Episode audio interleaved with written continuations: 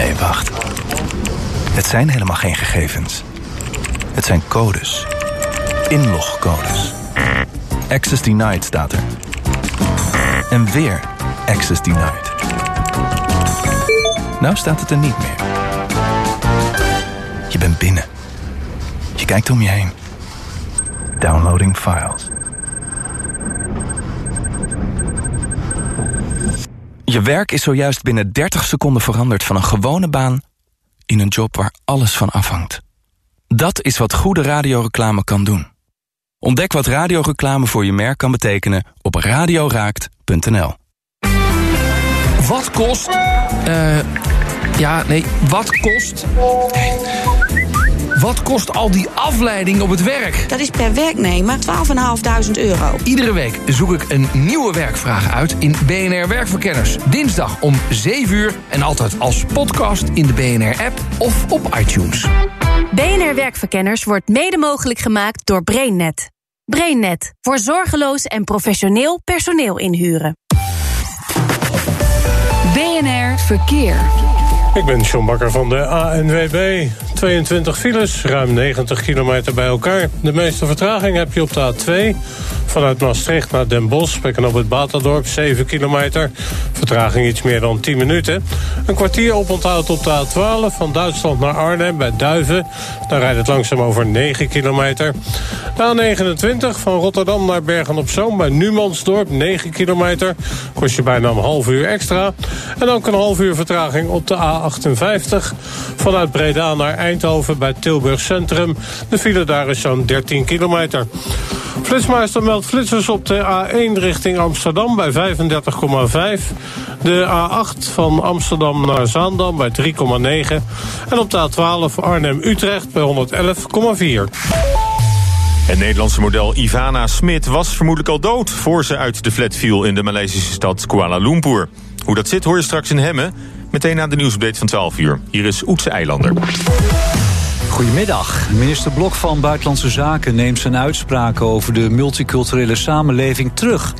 Blok zei vorige maand op een besloten bijeenkomst in Den Haag dat hij geen multiculturele samenleving kent waar de bevolkingsgroepen vreedzaam naast elkaar leven.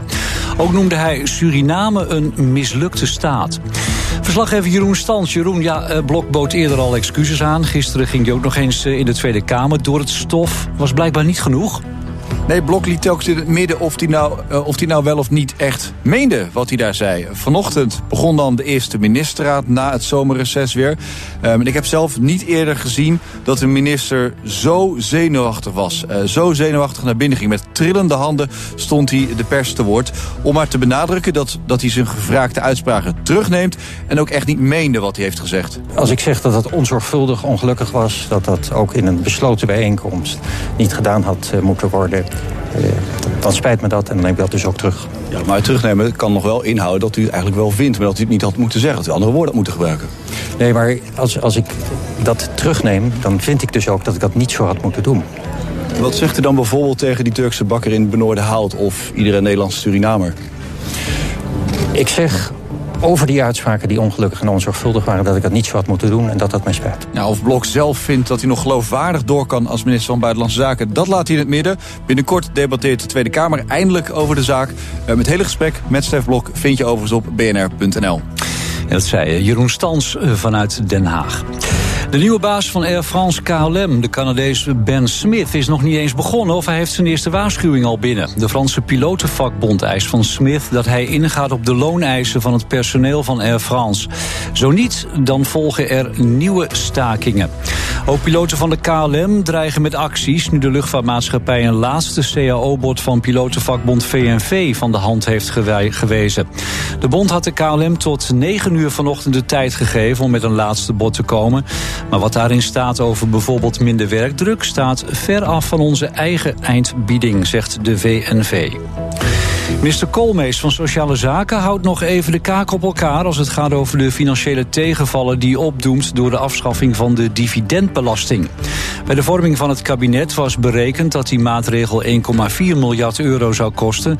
Maar omdat het economisch goed gaat, loopt die rekening op tot 1,9 miljard euro. Koolmees was een van de architecten van dit kabinet en zijn partij, D66, is niet enthousiast over de afschaffing. Maar nu bijt Koolmees toch eventjes op de tong. Hebben uh, gewoon een set begrotingsregels afgesproken met elkaar. We hebben financiële kaders afgesproken met elkaar. Maar nogmaals, het totale besluitvormingspakket komt bij Prinsjesdag. En tot die tijd gaan wij uh, proberen om ons mond te houden. Mocht je vanavond naar het eerbetoon van Aretha Franklin willen in het Amsterdamse concertgebouw, dan kun je het vergeten. De kaartjes waren in een mum van tijd uitverkocht. De Amerikaanse Queen of Soul overleed gisteren op 76-jarige leeftijd. Precies een halve eeuw geleden gaf Franklin een legendarisch geworden optreden in het concertgebouw. Vanavond brengen onder andere Michelle David en Shirma Rouse een ode aan Aretha Franklin. En er zijn originele filmopnamen te zien van dat optreden in 1968. Met 20,1 graden in de beeld is vandaag opnieuw een warmterecord gebroken. Het is de 54ste warme dag op rij.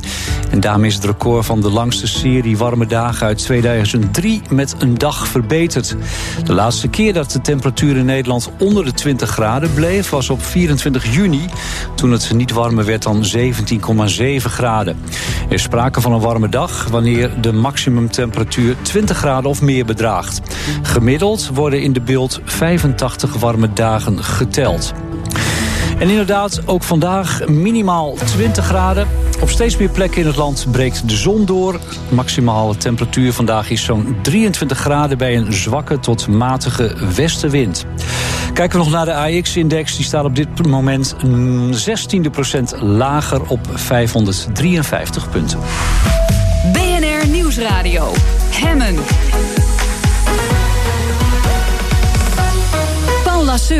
Welkom bij Hemmen, je dagelijkse deep dive in het nieuws. Ja, het Nederlandse model Ivana Smit was vermoedelijk al overleden toen ze van het balkon viel van een flat in de Maleisische stad Kuala Lumpur. Melden verschillende media. De rechtszaak is inmiddels halverwege. En ik praat erover met Thijs Zeeman. Hij is misdaadjournalist bij SBS6. Hij volgt deze zaak op de voet. Uh, ja, over die het, het, moment van overlijden eigenlijk. Hè. Daar wordt nu volop over, uh, over gespeculeerd en over, over gesproken. Waarom uh, denken ze nu dat de kans het grootst is dat ze toch al dood was voordat ze uit dat raam viel? Uh, nou, de belangrijkste reden daarvan eigenlijk nu is, is dat er een um, restauranthouder die daar woont, is gehoord in, de, in het gerechtelijk onderzoek dat nu plaatsvindt. En hij heeft aangegeven dat um, hij de val heeft gehoord en dat dat volgens hem tussen 1 en 2 was smiddags. Ja. En het uh, moment van overlijden is al vastgesteld op 10 uur s morgens. En dat betekent ja, uh, dat, ze, dat ze dus al overleden was. Ja, een dood iemand kan natuurlijk niet van een reling vallen. Nee. En, uh, springen eigenlijk mee. Ja, en, en, en die restauranthouder, want, want er zijn verschillende scenario's mm-hmm. over wat, wat er die avond gebeurd klopt, kan klopt. zijn. Nou ja, kijk, um, uh, laat ik het zo zeggen. Er zijn heel veel scenario's. En het, het, het eerste scenario uh, wat de Maleisische autoriteiten meteen hebben aangegeven is: ja, het gaat hier om een ongeluk. Dat accepteerden de ouders van Ivana Smit niet. En toen um, nou, zijn er een aantal mensen mee aan de slag gegaan. Onder andere ook um, Frank van der Goot. Dat is een, een bekende patholoog hier in, hier in Nederland. Die heeft een soort her sectie gedaan. En Mhm. hij heeft toen al wel aangegeven dat het, nou ja, waarschijnlijk was. In ieder geval wel een, een serieuze optie dat, hij, of dat zij um, al was overleden voor haar val. Nou ja, en inmiddels zijn er zoveel mensen in Kuala Lumpur gehoord. En lijkt dat beeld uh, steeds sterker te worden. Ja, goed, maar dan moet je ook weer gaan bedenken waaraan ze dan wel zou zijn uh, overleden. Ja. Want er, zijn ook, er is ook een scenario dat ze zelfmoord zou, zou hebben gepleegd. Ja. Dat ze uit het raam is gesprongen. Ja, ik vind dat eerlijk gezegd ongeloofwaardig. Kijk, nogmaals, uh, we zijn er niet bij geweest. Alles is mogelijk. Alleen, um, zij is naar Kuala Lumpur gegaan om een uh, modellencarrière op te zetten. Mm. En dat was eigenlijk net best wel in de lift. Ze, is voor een, ze was net gevraagd voor een groot merk om daar te lopen. En ook de laatste avond van haar leven zijn wel wat verschillende beelden van gezien. En nou ja, kijk, ik, iemand die suicidaal is, ja, ik weet niet wat daar. Of, of je dan ook s'avonds kan feesten. Uh, in ieder geval, uh, zij zag er uh, in ieder geval op de laatste beelden zeer vrolijk uit. Dus. Nou ja, goed, maar een, een manische depressie kun je natuurlijk ook niet, niet uitsluiten. Nee, zeker niet. Alleen, um, ja, het. het het, ik denk daar zelf niet aan. Uh, ik, ik, kijk, ik sluit het zeker niet uit, maar uh, ik denk dat er iets anders gebeurd is. Ja, oké. Maar goed, een ongeluk dan misschien? Een sigaretje roken in het raam en, uh, en naar buiten getuimeld? Ja, dat zou natuurlijk kunnen. Ik bedoel, feit is, is dat er ook is vastgesteld dat behoorlijk wat drugs en drank in het spel was. Dus dat, ja, de, de, mensen kunnen op de meest rare manieren vallen. Alleen als je het balkon ziet waar zij dan van af zou moeten zijn gevallen, is niet echt een balkon waar dat makkelijk gaat. Het is, een, ja, het is eigenlijk een. Het zijn soort twee balkonnen naast elkaar. Want er is eigenlijk een airco aan vastgemaakt. Dus mocht zij inderdaad zo beneveld zijn geweest dat ze is gevallen, zou ze eigenlijk eerder op de airconditioning zijn gevallen die daaraan ja. vastzit, dan meteen naar beneden. Je moet wel echt een flinke ja. Uh, ja sprongval maken. Maar ja. goed, dan is, dan is het ook al niet zo'n geschikte plek misschien uh, voor, voor een zelfmoord. Uh, misschien nou ja, ook goed, een andere, je kan daar natuurlijk andere, op, andere flat uitkiezen om. nou ja, je kan daar wel op klimmen natuurlijk. Ik bedoel, dat, je, het, had, het had gekund. Maar goed, kijk, um, een ongeluksscenario kan altijd, omdat, ja, weet je, je, als, je, als je er wel eens hoort in het verleden, dat je je echt afvraagt hoe is dit in vrees nou mogelijk? En dan ja, blijkt het toch te dan kunnen. is de dus werkelijkheid dat, altijd vreemder dan. Ja, tuurlijk, dan tuurlijk. Dat, ja, inderdaad. Ja. Alleen, ja, ik, ik, ik vind dat moeilijk te geloven, ook gezien het feit dat er geen voetstappen op de airconditioning van haar zijn gevonden. Ja. Dus, maar goed, je had het ook al over, over drugs bijvoorbeeld. Ja. Je kunt ook niet uitsluiten dat, ze, dat er misschien met, met, met druggebruik wat, wat verkeerd is gegaan. Nee, en, ook met, het, met dat echtpaar waar ze daar was, die. Amerikanen, die hebben misschien ook een andere rol gespeeld. Nou, die hebben er misschien wel vermoord, heb ik ook wel eens gehoord. ja, ja, zeker. Ja, kijk, laat ik zo zeggen, mijn scenario is, en dat is ook wel waar de familie aan denkt. Dat heb ik via hun advocaat uh, Sebas Dijkstra. Uh, wel begrepen. En ik moet zeggen dat ik dat een veel aannemelijker scenario vind dan, uh, dan uh, het scenario moord of ongeluk. Is het, of, of zelfmoord. Is het feit dat ze, er is heel veel drugs in haar bloed gevonden. En het, zeg maar de, de, de, de delen die dat vervolgens moeten afbreken ontbraken in het bloed. Dat betekent dat ze vlak voor haar dood nog een behoorlijke hoeveelheid drugs heeft ehm, tot zich genomen. Of tot zich genomen hebben gekregen. En er is een flinke wond op haar achterhoofd aangetroffen. Die ze heeft opgelopen voor haar val. Dus ik denk, en ook dat is waar de familie aan denkt, is dat ze misschien wel inderdaad een overdosis heeft gekregen. En dus al in het appartement is overleden. En dat, ja, in Kuala Lumpur uh, is drugs zo ongeveer mm. uh, nou ja, de doodstraf waard. Er is een panieksituatie dan vermoedelijk ontstaan. Het is allemaal speculeren. Ik, ik ben er nogmaals niet bij geweest en ik wil ook mensen niet beschuldigen. Maar ik vind het een aannemelijke scenario dat de mensen waar zij die avond mee was. in paniek zijn geraakt en letterlijk misschien het probleem uit het raam hebben gegooid. Ja, dus toch een ongeluk, met, maar dan met drugsgebruik. En dat dat, ja, uh, ja. dat, dat tot paniek heeft geleid. Want uh, ja, dat Amerikaanse stel, hun naam komt eigenlijk, eigenlijk ook steeds, steeds terug. Hè? Alexander Zeker. Johnson, zijn vrouw mm. Luna. Um, waar worden zij dan van verdacht op dit moment? Eigenlijk nog helemaal van niks. Ze zijn nog niet in staat van beschuldiging nee, gesteld? zeker niet. Ze zijn alleen getuigen. Uh, wat, waar ze overigens uh, geen gehoor aan hebben gegeven aan het getuigenverhoor... want ze zijn niet opkomen dagen. Z zijn ze nog wel in Maleisië? Nee. Nee, nee, nee, ze zijn niet meer in Maleisië. Ze zijn uh, vertrokken. Uh, ja, de een zegt met de noordenzon, de ander, de ander zegt nee, ze zijn gewoon. De baan hield gewoon op daar. Nou, de waarheid uh, zullen we ooit wel weten, denk ik, wat daar gebeurt. Laat ik het zo zeggen. Ik denk dat het gunstig voor hun, is, voor hun positie is geweest dat zij niet meer in Maleisië zijn. Want uh, als je ook het verhoor inmiddels uh, volgt, of in ieder geval de, de, de verhoren, het, het proces volgt. Ja, het ziet er gewoon heel slecht voor hun uit. Ja. Want wat, wat zijn nog meer aspecten die, die, die hun, uh, ja, hun rol eigenlijk bij, bij de hele zaak belichten? Ja, nou kijk, zij zijn natuurlijk om gewoon bij het begin te beginnen, ze zijn de mensen geweest die op het allerlaatste moment nog bij Ivana zijn geweest. Ze zijn de laatste mensen ze die Ivana gezien hebben. Gefeest in die flat. Ja, dat, ze hebben eerst, beetje... eerst, eerst zijn ze naar een feestlocatie, geval naar een club geweest in Kuala Lumpur. Daarna zijn ze naar, uh, naar het huis van de Johnsons gegaan. Daar is morgens om half acht nog een, uh, een selfie genomen met Luna, dus de vrouw van ja, de Johnsons ja, en, uh, en Ivana. Die heeft Ivana zelf verstuurd, zet op haar telefoon. Dat is tweeënhalf uur voor haar overlijden. Dus dat, nou ja, dan heb je wat uit te leggen. Dat zag er toen nog wel gezellig uit. Nou, inmiddels hebben ze gezegd, ja, wij, zijn, wij, wij lagen te slapen toen dit gebeurde met Ivana. Mm. Dus wij zijn pas door de politie op de hoogte gebracht van dit feit. Nou, er zijn inmiddels al flink wat getuigen die hebben gezegd... nou, we hebben wel degelijk geluiden gehoord in het appartement op het moment dat dit is gebeurd. Dus, uh, het dus lijkt... er, wa er, waren meer mensen wakker nog op dat moment. Nou, het lijkt er sterk op. In ieder geval dat zeggen, dat beweren mensen die daar zijn geweest. Eh, verschillende van ja, ze waren wakker. Nou, dat is een, een, een, uh, een aanwijzing dat ze aan het liegen zijn. Maar de belangrijkste aanwijzing is eigenlijk, of in ieder geval de, het meest belastende verhoor wat is afgelegd is door een werkster geweest. En zij heeft verklaard: mm -hmm. ik ben gebeld door Luna Johnson vanuit het politiebureau met de opdracht of ik de vuilnis weg wilde zetten en het appartement wilde schoonmaken. Alle sporen opdwijlen. Nou ja, dat ja. is natuurlijk uiteindelijk ja. het gevolg. Want er zijn heel veel sporen daardoor verdwenen. En dat is natuurlijk wel heel curieus. Waarom wil je dat? Ja, nou ja, goed. Waar, waarom wil je dat? Uh, om te vinden wellicht dat er goed onderzoek nog kan, kan plaatsvinden. En, maar goed, ze zijn ja, maar ook... ja, als je dat wil verhinderen, bedoel ik, dan is het, dan is het natuurlijk geen ongeluk. Want Nee, waarom nee, zou je nee, dat? eh, ja, waarom, waarom vraag je daarom? Ja, maar goed, en, en die werkster die zei dus dat, dat ze gebeld werd vanuit het politiebureau.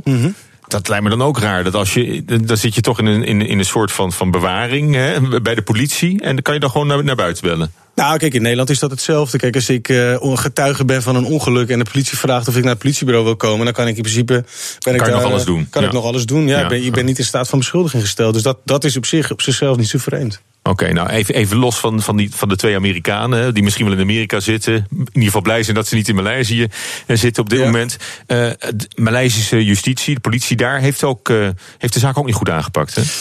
Nee, ja, het is, het is ehm, best wel beschamend eigenlijk wat daar gebeurd is, moet ik zeggen hoor. Het is, het is eigenlijk een foutenfestival wat, wat we in Nederland gelukkig niet kennen. Maar er komen nu vast allerlei telefoontjes binnen van mensen die zeggen... nou, het is in Nederland ook wel eens een puinhoop. Maar wat je daar hoort, ja, eh, een patholoog, anatoom die daar bezig is geweest... die nu onder Ede heeft verklaard, ja, ik ben dat eigenlijk helemaal niet. Dus Nee. die, die, is daar, die, is, ja, die heeft daar onderzoek gedaan. Terwijl ja, uh, hij dat niet is. Ja, dat is natuurlijk bizar. De PD is niet afgesloten. Ze hebben geen handschoenen gebruikt. Ze hebben bij de testen een, een, een valpop gebruikt. Die, die niet het gewicht had van Ivane Smit. Dus ja, de resultaten ze, hebben de, zijn ze hebben de val nog een keer nagespeeld met een pop, maar dat. eh, Ja, met een totaal. Uh, met, een, met, een, uh, met een pop dat niet het gewicht had daarvan. Ja. Dus ja, dat, dat zijn waardeloze uh, onderzoeken natuurlijk. En, ja, en, en, en deze persoon, die geen patholoog is, heeft meteen gezegd: dit is een ongeluk geweest. Dus ze hebben ontzettend veel problemen daar veroorzaakt. En nou ja, inmiddels is er gelukkig nu een gerechtelijk onderzoek. Dat wellicht als resultaat heeft dat er een strafrechtelijk proces gaat komen. Want ja, als, als, de, als het aan de Maleisische autoriteit had gelegen, was dit binnen drie uur gewoon een ongeluk geweest en klaar. Ja, want dan hadden ze ook niet die, dat gênante pad weer hoeven te bewandelen van er zijn heel veel drugs in Maleisië en uh, daar, daar vallen ook slachtoffers bij. Ja, dat, dat, is, uh, nou ja, dat is geen gekke gedachte natuurlijk. Kijk, want je, je vraagt je inmiddels natuurlijk wel af waarom je uh, twee Amerikanen in bescherming neemt. op deze manier. Want ja, wat, wat, wat wat voor reden heb je ja. om, om van zo'n gek ongeluk onmiddellijk te zeggen, of zo'n gek gebeurtenis meteen okay. te zeggen dat het een ongeluk is? Hey, en wat fascineert jou zo in deze zaak? Het is natuurlijk een hele mediagenieke toestand, ja. hè? Mooie Nederlandse meid, ja, ja. drugs. nou, kijk, wat, wat, wat mij vast. Kijk, ja, weet je, het is natuurlijk. Uh, uh, feit is, is dat je gewoon niet weet wat er gebeurd is. En langzaamaan komen er steeds puzzelstukjes bij, waardoor je langzaam die puzzel kan leggen. En het is een 18-jarig meisje dat hierbij is overleden. Het kan gewoon niet dat we dit afdoen als een ongeluk. Dankjewel. Thijs Zeeman, misdaadjournalist bij SBS6. Zometeen reanimeren kun je leren. En zeker met een AR-bril op je hoofd. Hoe die werkt vraag ik straks aan uh, de uitvinder van de reanimeerbril. In het beste van... BNR Nieuwsradio. Hemmen. Van goed naar beter. Want er gaat veel goed in ons land, maar laten we ambitieus blijven. Het kan altijd beter. En vandaag in Van Goed naar Beter hebben we het over reanimeren. Vergeet de klassieke mond-op-mond bademing. Echt goed reanimeren doe je met een AR-bril op. Want dan sta je er niet alleen voor. Masterstudent Human Media Interaction van de Universiteit Twente, Sander Gieselink, die ontwikkelde een speciale tool waardoor de AR-bril geschikt is voor reanimaties. Hartelijk welkom, Sander. Goed dat je er bent. Ja, leuk dat je mag zijn. Ja, om te beginnen even terug naar, naar AR. Hè. Wat is AR? Augmented Reality, weet ik. Maar ja, uh, ja, vertel de het nog meeste eens. mensen kennen tegenwoordig wel virtual reality. En dit is eigenlijk heel erg in die richting, maar dan nog weer een stap verder dat je niet in een volledige virtuele wereld zit, maar eigenlijk gewoon in de echte wereld en dat je dan een virtuele laag over die echte wereld heen kan projecteren. Oké, okay, dus dat je de werkelijkheid een beetje opleukt eigenlijk als ja. je die bril op hebt. Ja, ja inderdaad. En uh, nou goed, ik, ik, ik zet zo'n bril op en wat, uh, wat zie je, hebt, je hebt het wel voor, voor, voor gaming en zo, heb je die, die VR ja. dan met name. En AR heeft een hele hoop andere toepassingen, waaronder dan wat we nu bedacht hebben over reanimeren. stel, ik zet zo'n bril op, wat, wat zie ik dan? Ja, het mooie dus van AR is dat je dan de echte wereld nog ziet. Dus je kan dan heel mooi nog interactie hebben met fysieke objecten. Mm. in het geval van reanimeren, dan kun je het lichaam dus nog gewoon zien liggen. En als je een VR-bril hebt, dan moet je alles virtueel namaken. En nou is het eigenlijk heel intuïtief, want je ziet gewoon het lichaam voor je. Uh, dus je kan het gewoon aanraken, maar je kan uh, je hebt dan wel het voordeel erbij van uh, die extra laag informatie wat je erbij kan projecteren. Oké, okay, dus, dus, dus je hebt, je hebt zo'n bril bij je en, uh, en je bent met iemand op, op, het, op het strand of in, in de natuur, weet ik ja, waar. Ja, overal. Dus je, moet, je moet je eigenlijk voorstellen... waar, waar, waar geen arts in de buurt is dus, ja, en, en niemand krijgt een hartaanval. Ja, want wat je moet voorstellen eigenlijk hoe dat nu gaat. Als iemand een hartaanval krijgt en je kan niet reanimeren, dan bel je 112. En dan kan die persoon aan de andere kant van de telefoon kan jou er doorheen praten. En dat is natuurlijk hartstikke mooi, want alles wat je doet, dat is mm hartstikke goed. Maar uh, het heeft wel beperkingen, want je kan elkaar niet zien. En als je alles wat je uitlegt, moet je verbaal doen. Ja. Uh, het mooie van zo'n AR-bril uh, is dus als je die op hebt, dat jij de instructeur kan zien. En die kan ook zien wat jij doet. Dus die kan ook zien als jij je handen op de goede plek hebt. Uh, die kan voordoen hoe je het moet doen. Dus die kan eigenlijk zo simpel als je legt de hand precies op de plek waar het moet. En je ziet dan een virtuele hand. En het enige wat je hoeft te doen, is je hand in die virtuele in die hand, in die hand leggen. Ja, zo makkelijk kun je het eigenlijk maken. Oké, en, dat, uh, en, dat, en dat, is, uh, dat lukt nu al? Uh, de technologie is er. Ja? Maar het is nog niet zo ver ontwikkeld dat het uh, praktisch is. Want je hebt natuurlijk zo'n bril nodig. En niemand loopt met zo'n uh, supernieuwe uh, HoloLens bril rond. Oké, okay, maar in, in feite neemt hij de plaats in van de, van, de, van de instructeur aan de andere kant van 112. Als hij zegt van wat, wat zie je, dit moet je doen. Uh, nou, die bril gebruik je eigenlijk om uh, dus dat contact te leggen, dat je elkaar kan zien. Mm -hmm. En dat je die informatie kan uh, overdragen. Ja. Um, maar de instructeur blijft wel degene die dan ja. zegt van hoe je het moet doen en kan uitleggen. Alleen heeft hij meer mogelijkheden. En is het een standaard programmaatje ja. in, die, in die bril? Of, of heb je ook echt online een verbinding met, met een, met, ja, met een andere persoon aan de andere kant van de lijn? Ja, als een, een Skype-gesprek, maar dan dat je elkaar in de echte wereld echt kan zien. Dus je, het is niet alleen met video, maar echt met 3D, diepte. En dat je dan de andere persoon in de echte wereld ziet. Oké, okay. Dus, dus, de, dus waarschijnlijk bel je toch 112 als het gebeurt. Ja. Want je, je probeert het te voorkomen. Maar in dit geval zeggen ze dan van, uh, zet, zet de bril op, activeer de bril. Ja, wat je eigenlijk moet voorstellen is, uh, tegenwoordig heb je al smartwatches, maar misschien met een paar jaar, want die uh, worden al ontwikkeld, heb je smart glasses. En dan bel je dus gewoon met je bril in plaats van met je telefoon, of die zijn dan verbonden. Uh, en dan geef je toestemming van ja, je mag uh, mijn camera zien, uh, okay. wat, wat ik zie. En dan heb je eigenlijk gelijk een soort van videogesprek met die mogelijkheid om uh, augmented reality erbij Ja, ja dus dan, maar, maar dan ga je eigenlijk uit van de situatie dat, uh, dat bijna iedereen ook wel een, een, een Google Glass-achtig ding bij zich heeft. Ja, want dan wordt het praktisch. Het is nu, de technologie is er, maar het is nog niet praktisch, want je hebt natuurlijk heel veel hardware nodig en een hele experimentele setup om het mogelijk te maken nog. Oké, okay, dus het is nog wel toekomstmuziek. Ja, maar de, het interessante is juist om te kijken naar wat deze technologie voor gebruik kan worden. Uh, en dit is een hartstikke mooi voorbeeld van hoe je die, die kracht van die technologie echt in de praktijk uh, kan gebruiken. Oké, okay, en, en, wat is jouw aandeel in deze techniek? Nou, ik heb dus gekeken naar hoe ik die technologie kon gebruiken voor uh, leertoepassingen. Dat vond ik interessant, dat was mijn uitgangspunt.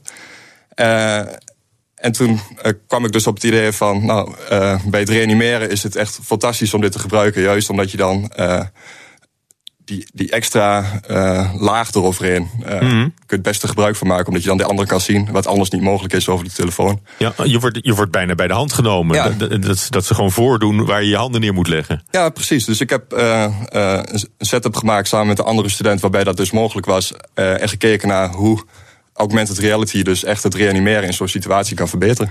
Oké, okay, en heb je hem al eens uh, gebruikt om te testen? Ja, ik heb experimenten gedraaid. Dus dat ik bij uh, 30 proefpersonen uh, over de telefoon, zoals het nu gaat, het, iemand heb leren reanimeren. En bij 30 personen dus met die bril en de hele setup eromheen. Ja. En dat zijn, is gewoon heel veelbelovend dat die technologie echt het reanimeren kan verbeteren. Dat je ja, ja, misschien dus, sneller kan leren en beter in ja, kortere tijd. Dus, dus nu neemt het eigenlijk gewoon voor de. Voor, voor, voor leertoepassingen wordt het al, uh, kan het zout gebruikt kunnen, kunnen worden. Ja, ik denk dat daar wel de, de meeste potentie in zit van de technologie. Want game is natuurlijk één ding, maar het heeft ook gewoon heel veel serieuze toepassingen. Ja. En uh, is het dan ook bij feitelijke hartstilstand al, uh, al, al, al een keer gebruikt of niet? nee, want het is natuurlijk in de praktijk heeft nog niemand zo'n bril bij zich en is er niet in Het een zal wel heel toevallig zijn geweest. Als, net Ja. iemand, als net iemand in, het, in het leslokaal eh, bezwijkt aan een hartaanval, dan, eh, dan Dus had er het... zijn, zijn al wel mensen bezig om te kijken hoe die technologie gebruikt kan worden bij cursussen. Eh, maar het echt bij een hartaanval in de praktijk eh, toepassen, dat is natuurlijk nog iets heel anders. Oké, en eh, heb je zelf wel eens zo- zo'n zo'n bril bij je? Want je, je hebt er nu ook geen, geen meegenomen, maar misschien dat je, dat je voor de zekerheid, als je, als je op pad gaat, dat je denkt van nou, laat ik hem maar meenemen. Je weet nooit eh, of ik nou, onderweg ik- iemand tegenkom die... Ik heb hem zo onderweg nooit bij me. Maar ehm, dat is ook omdat die bril is nu nog best wel wat groter. En als je, je ziet echt dat je hem op hebt, en die gaat helemaal om je hoofd heen. Een soort duikbril is het, hè? Of een eh, Ja, een hele, van hele groot- groot uitgevallen skibril. Ja, precies, dat, dat idee inderdaad. Ehm, maar naarmate dat verder ontwikkeld wordt, past dat misschien gewoon in een eh, zonnebrilformaat. En dan, eh, Of in een contactlens misschien wel. ja, misschien zelfs zo ver als dat. En dan wordt het opeens een heel ander verhaal. Want dan kun je het ook als modeaccessoire bij je hebben, bij wijze van. Ja, oké. En dan met... en dan met een appje eigenlijk die Ja, dan deze, precies. deze toepassing eh, mogelijk Beetje maakt. het idee van eh, wat een smartwatch ook is. Ja. Oké. En hoe lang, hoe lang verwacht je nou dat het, dat het gaat duren? Of, of is dat niet iets waar je je mee bezighoudt? Eh, Is, is, Ja, jawel, ben, je meer een hobbyist die, die de, Hey, die de software daarvoor wil... Om, te zien waar het naartoe gaat. Ik ben niet de persoon die dan zo'n bril ontwikkelt. Maar ik ben wel de persoon die dan zo'n bril gebruikt om dit soort toepassingen mee te maken. Want dat, dat vind ik dan interessant. Maar er zijn al brillen in ontwikkeling die niet veel groter zijn dan een gemiddelde zonnebril. Waar die dieptecamera's in zitten en dat je dus kan projecteren op de schermen. Ja, goed, maar, maar die, die hebben mij nog niet bereikt als, als Nee, die- gemiddelde consument. Die zijn misschien. commercieel ook nog helemaal niet eh, verkrijgbaar. Daarom de technologie is nog heel nieuw, maar het is er al wel. En naarmate dat verder ontwikkeld wordt en het op de markt komt, dan wordt het opeens echt interessant om dit soort ideeën dus echt in de praktijk eh, uit te werken. Want die eh, Google Glass bijvoorbeeld, die, die, is, die is dan getest en een tijd Ja. eh, uit, uitgezet bij mensen. Maar die is eigenlijk weer van de consumentenmarkt eh, afgehaald. eh, als Ja, dat was een van de eerste en die was eigenlijk nog te vroeg. Dus de, de hardware zelf was nog niet goed genoeg om echt dit soort dingen te doen. En de brillen die op dit moment bestaan, ondanks dat ze wat groter zijn, zijn al heel erg goed in staat om dit soort toepassingen te maken. Maar het moet nog veel verder om het echt. eh, om echt die laatste stap te nemen dat, dat, je het, eh, dat je naar de winkel gaat om zo'n bril te kopen. En dat iedereen ermee gaat rondlopen. Oké, en, die- en die bril die. eh, eh, hè, als die eenmaal als, eh, als, als reani- reanimatieproject eh, gaat, gaat draaien. Eh, werkt, die, werkt die dan altijd? Maakt het dan nog uit of je een, een kind of een hele dikke meneer of een, eh, of een jonge vrouw. eh, is dat. is dat Nee, dat zou niet moeten uitmaken, want het, het vervangt eigenlijk de telefoon in de situatie. Dus in plaats van dat je telefonisch de instructies krijgt van hoe je het moet doen terwijl hulp onderweg is. Oké, en, en worden die beelden van wat jij ziet ook doorgestuurd naar de, naar de andere kant van de lijn? Ja, dat is dan het idee. Dus, dus de Ja. instructeur die gaat het ook. Denk je dat deze bril levens gaat redden? Ja, dat zou hartstikke mooi zijn. Ik denk dat het zeker eh, de mogelijkheid heeft, want alles wat je kan verbeteren, eh, al is de kans iets groter om, eh, dat iemand het overleeft, omdat je net iets sneller of net iets beter kan uitleggen in, tijdens die paar minuten die je eigenlijk maar hebt.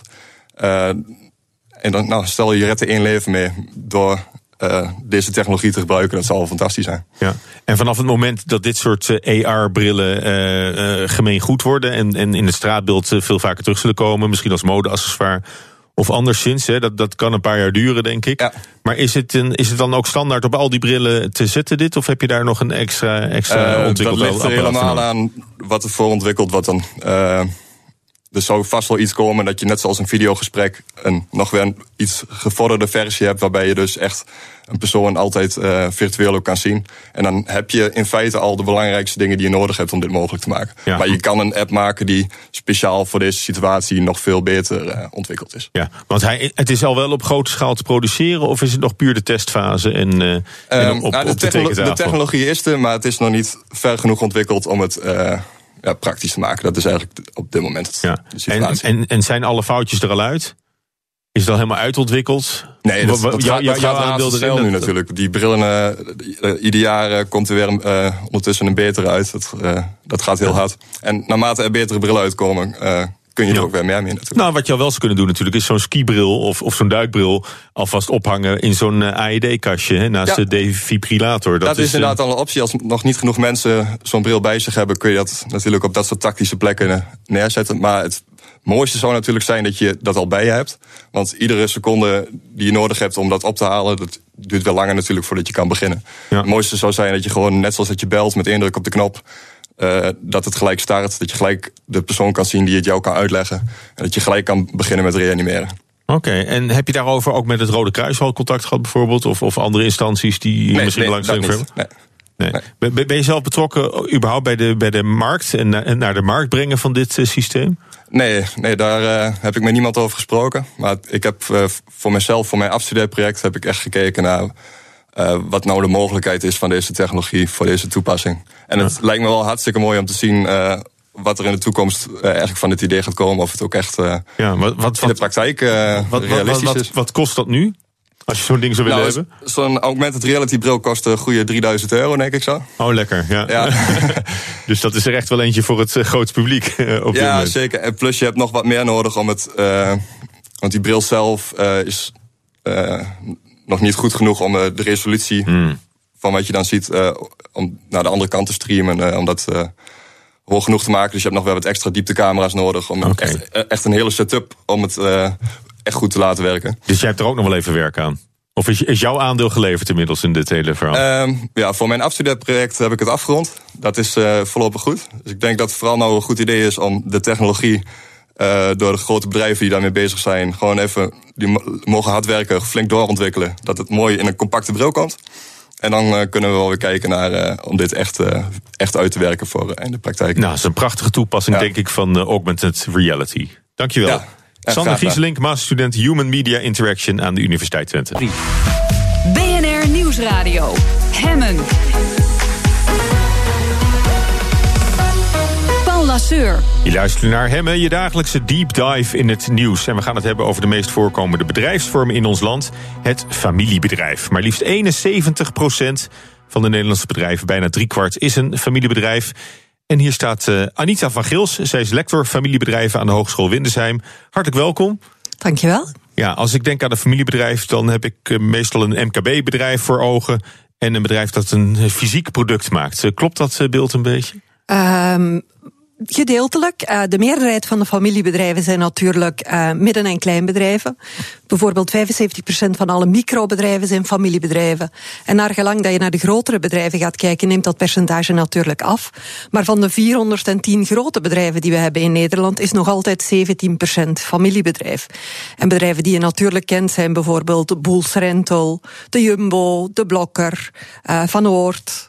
Allemaal Ja. familiebedrijven. Allemaal grote familiebedrijven. Want wanneer ben je eigenlijk een familiebedrijf? Moet, het, eh, moet de familie dan alle aandelen hebben nog in de onderneming? Of kun je ook in andere gevallen nog wel van familiebedrijven spreken? Ja, we kijken typisch altijd naar het eigendom. En uh, we geven uh, in de literatuur, in het academisch onderzoek, zeggen we op het moment dat meer dan 50% van de aandelen in de handen zijn van een familie, dan is het een familiebedrijf. Maar dan spreken we over private bedrijven. Als we kijken naar beursgenoteerde bedrijven, dan geven we meestal aan wel op het moment dat meer dan 20% van de aandelen in handen is van een familie, dan heeft een familie toch nog een inbreng Mm. in wat er in, in de organisatie gebeurt.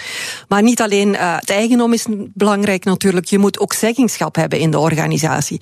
Dus we kijken vaak ook wel mee naar in hoeverre dat het management Mm. ook bestaat uit familieleden. En dan zou je natuurlijk kunnen zeggen van, goh, is dat dan voldoende om een familiebedrijf te zijn? Want als je zegt meer dan 50% van het eigendom plus management, dan zou Mm. elke start-up zou dan een familiebedrijf zijn. En dat is, zou natuurlijk heel raar zijn, want vaak start je een bedrijf en weet je nog helemaal niet, wil je het later verkopen of wil je het Mhm. overzetten in je eigen familie. Dus we kijken ook wel naar de intentie. Heb je echt al die intentie om het bedrijf over te dragen naar een volgende generatie? Ja. Heb je ook familiedoelstellingen die heel belangrijk zijn? Oh, dus ze, ze moeten eigenlijk al een generatie meegaan voordat je echt eh, zeker weet dat het een familiebedrijf is. Wel, dan heb je inderdaad dat die familieaspecten heel belangrijk Ja. worden. Hè? Want dan ga je kijken naar familiale tewerkstelling, dan heb je ook familiale doelstellingen die je wil bereiken. Ja. U, u noemde er al een aantal, maar wat, wat, wat zijn nou voorbeelden van die, van die echt eh, bekende eh, familiebedrijven? Boels Rental hoorde ik al. eh. Ja. is, is Heineken een familiebedrijf? Ja, Heineken beschouwen we ook nog altijd als een familiebedrijf, omdat Dat is natuurlijk. een enorme corporate organisatie natuurlijk. Ja, omdat uh, Charlene de Carvalho Heineken natuurlijk als aandeelhouder ook nog een belangrijk effect heeft op wat er gebeurt binnen de organisatie. Ja. Andere die, die iedereen ongetwijfeld wel kent, is Brabantia bijvoorbeeld. Mhm. Mm. Iedereen heeft thuis wel producten van Brabantia. Ook een familiebedrijf dat laatst nog genomineerd was vorig jaar voor de beste familiebedrijven award. Um, Bavaria, ook Ja. een, een familiebedrijf. Eh, schoenen, van Bommel Schoenen, waar dat drie broers eh, het management voortzetten van het bedrijf. Negende generatie familiebedrijf. Ja. Dus we hebben echt heel mooie verborgen kampioenen van Ja. eh, familiebedrijven hier in de regio. Ja, niet helemaal verborgen, want vaak komt dan ook de familienaam terug in de merknaam van een product. Ja, inderdaad. Klopt inderdaad. Maar wat we ook heel vaak zien is, eh, die bedrijven die we verborgen kampioenen noemen, zijn toch ook vaak bedrijven die niet altijd onmiddellijk de media opzoeken. Eh, ze zijn heel erg nauw betrokken, ze zijn heel Mhm. erg maatschappelijk verantwoord bezig. Eh, maar ze zoeken niet altijd onmiddellijk de pers op om onder de aandacht te brengen, hoe mooi ze wel altijd zijn. Nou, sterker nog, je krijgt ook wel eens het idee dat, ze- dat ze juist een beetje, een beetje de luiken dicht houden. Ja. En een beetje, een beetje afgeschermd van de buitenwereld opereren. Ja. Maar ze zijn wel heel erg betrokken bij hun verschillende stakeholders. Dus in die zin naar hun werknemers toe, naar klanten toe, zorgen ze altijd wel, vinden ze het heel belangrijk dat ze goede kwaliteit leveren, dat ze lange termijn relaties uitbouwen. Ja, dus op ook met klanten, maar ook met medewerkers, denk ik. Want familiebedrijven die zie je ook vaak dat die verankerd zijn in de lokale gemeenschap. Ja, absoluut. Filantropie, eh, sociale verankering is heel belangrijk. Ehm, wat je ook ziet is dat. ehm, Je, je had vroeger ook hele dorpen, hè? Voor Ja. Philips of Bata Dorp Ja. is er zo een. Klopt. Ja, En wat je ook ziet, zelfs als een familiebedrijf groeit, het delokaliseren gebeurt niet zo snel. Ook niet naar het buitenland, omdat ze toch die roots hebben waar dat een eerste of een tweede generatie uiteindelijk het bedrijf zo heeft uitgebouwd.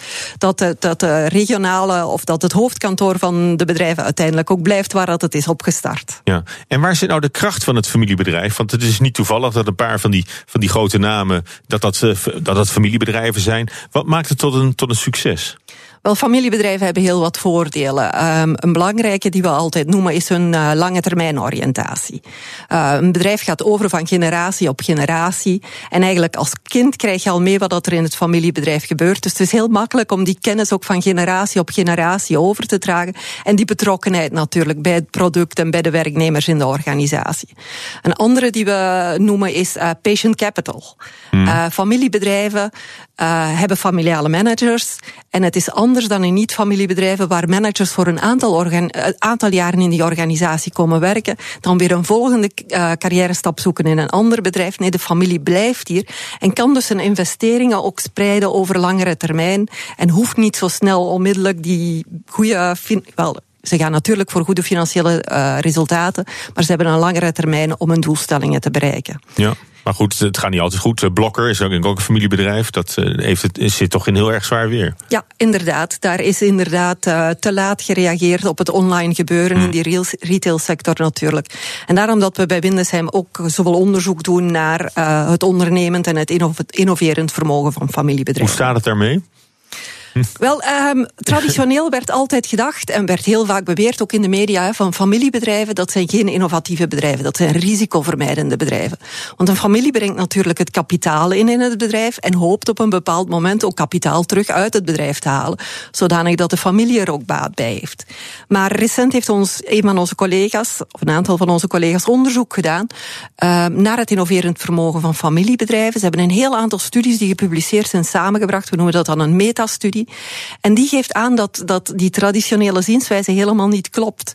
Eh, familiebedrijven blijken inderdaad minder te investeren in hun R&D, dus lagere bedragen. Maar het resultaat, de output, het aantal nieuwe producten en diensten dat ze afleveren, is hoger dan bij de niet-familiebedrijven. Nou, Wat dat? aangeeft dat ze dus efficiënter zijn in dat proces van input om te zetten naar output. En daar speelt natuurlijk die lange termijn oriëntatie mee. Meerdere generaties die makkelijker kennis kunnen overdragen. Betrokken werknemers wordt aan- ook al- Hmm. altijd aangegeven. Dus uiteindelijk, het verschil is niet groot, maar ze doen het in ieder geval beter op eh, het eindresultaat, op de innovaties Ja. die ze op de markt brengen. Ja, want je, je- ik moet bij familiebedrijven ook denken aan, aan zuinigheid. En misschien wel verkeerde zuinigheid. Door bijvoorbeeld niet te veel geld uit te geven aan, eh, aan marketing of, of aan research en development. Dat, dat, dat zie je dus wel gebeuren. Dus er gaat minder geld naartoe. Maar dat wil nog niet zeggen dat er, eh, dat er meer nieuwe producten uit, eh, uit voortkomen. Wel, het, het, het is een, een belangrijk iets natuurlijk. We moeten daar ook een onderscheid maken in ehm het type van familiebedrijf. En als we het dan hebben over die grotere familiebedrijven, dat zijn duidelijk die familiebedrijven die die professionaliseringsslag gemaakt hebben. En die inderdaad dat internationaliseren, dat market, die marketing en dergelijke wel uitgebouwd hebben. Maar zoals eh, Mona Keizer ook heeft aangegeven, hè, we hebben dringend een MKB uh, aanpak nodig om ervoor te zorgen dat onze MKB ook innovatiever wordt. En dan gaat het vooral over die uh, kleine en middelgrote bedrijven, die vaak heel erg verankerd zijn in de familie.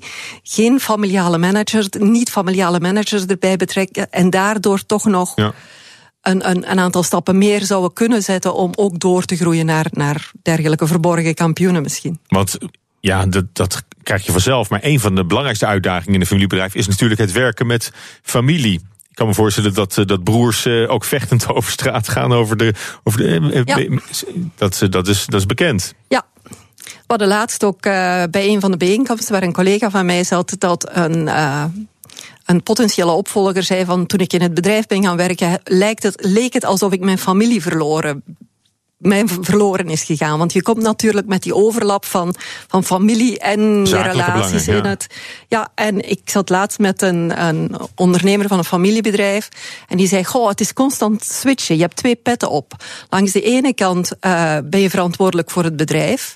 Langs de andere kant heb je de verantwoordelijkheid voor je familie. En als je kinderen in je familie hebt als vader, ga je proberen ze allemaal gelijk te behandelen. En misschien degene die het juist moeilijk hebben, ga je nog een beetje voortrekken. Maar als je dan je rol van ondernemer in het familiebedrijf moet doen, moet je juist die sterkste gaan, gaan eruit halen en die in het bedrijf gaan betrekken. Want je hebt die verantwoordelijkheid voor werknemers en alles. Dus uh, het is inderdaad schakelen met verschillende petten op en, en brengt soms ook de nodige conflicten met zich mee. Ja. Want u doet, u doet onderzoek naar familiebedrijven, maar u bent ook ervaringsdeskundige. U komt uit een familie met een eigen bedrijf. Klopt. Wat was dat voor onderneming? Mijn uh, grootvader heeft na Wereldoorlog 2 een handel in bouwmaterialen opgestart. Uh, die was vrij succesvol, maar uh, toen het ging groeien had hij, ook zijn, had hij ook mensen nodig die met de vrachtwagen gingen rijden. Dus hij heeft zijn twee, twee oudste zonen op een 18 uit de middelbare school gehaald. En gezegd, nou is het tijd om in het familiebedrijf te komen werken. Keuze was er toen niet bij. En uh, mijn vader en zijn broer hebben dus het bedrijf verder ontwikkeld. En op een gegeven moment, toen ik klaar was met mijn studie, dacht ik, nou is het mijn tijd om in het familiebedrijf te komen. Uh, was voordien nooit over gesproken. Dat is heel raar en dat merk je ook bij heel veel familiebedrijven, dat het toch wel moeilijk is om dat gesprek met kinderen aan te gaan. Van wanneer is dan het juiste moment om daarover te spreken, zowel bij de ouders als bij de kinderen. Um, en toen ik aan mijn vader zei van god, is tijd om in het familiebedrijf te komen, zei hij nee, jij bent een vrouw, op een dag krijg je kinderen, dus zoek jij maar een 9 tot 5 job. Dus?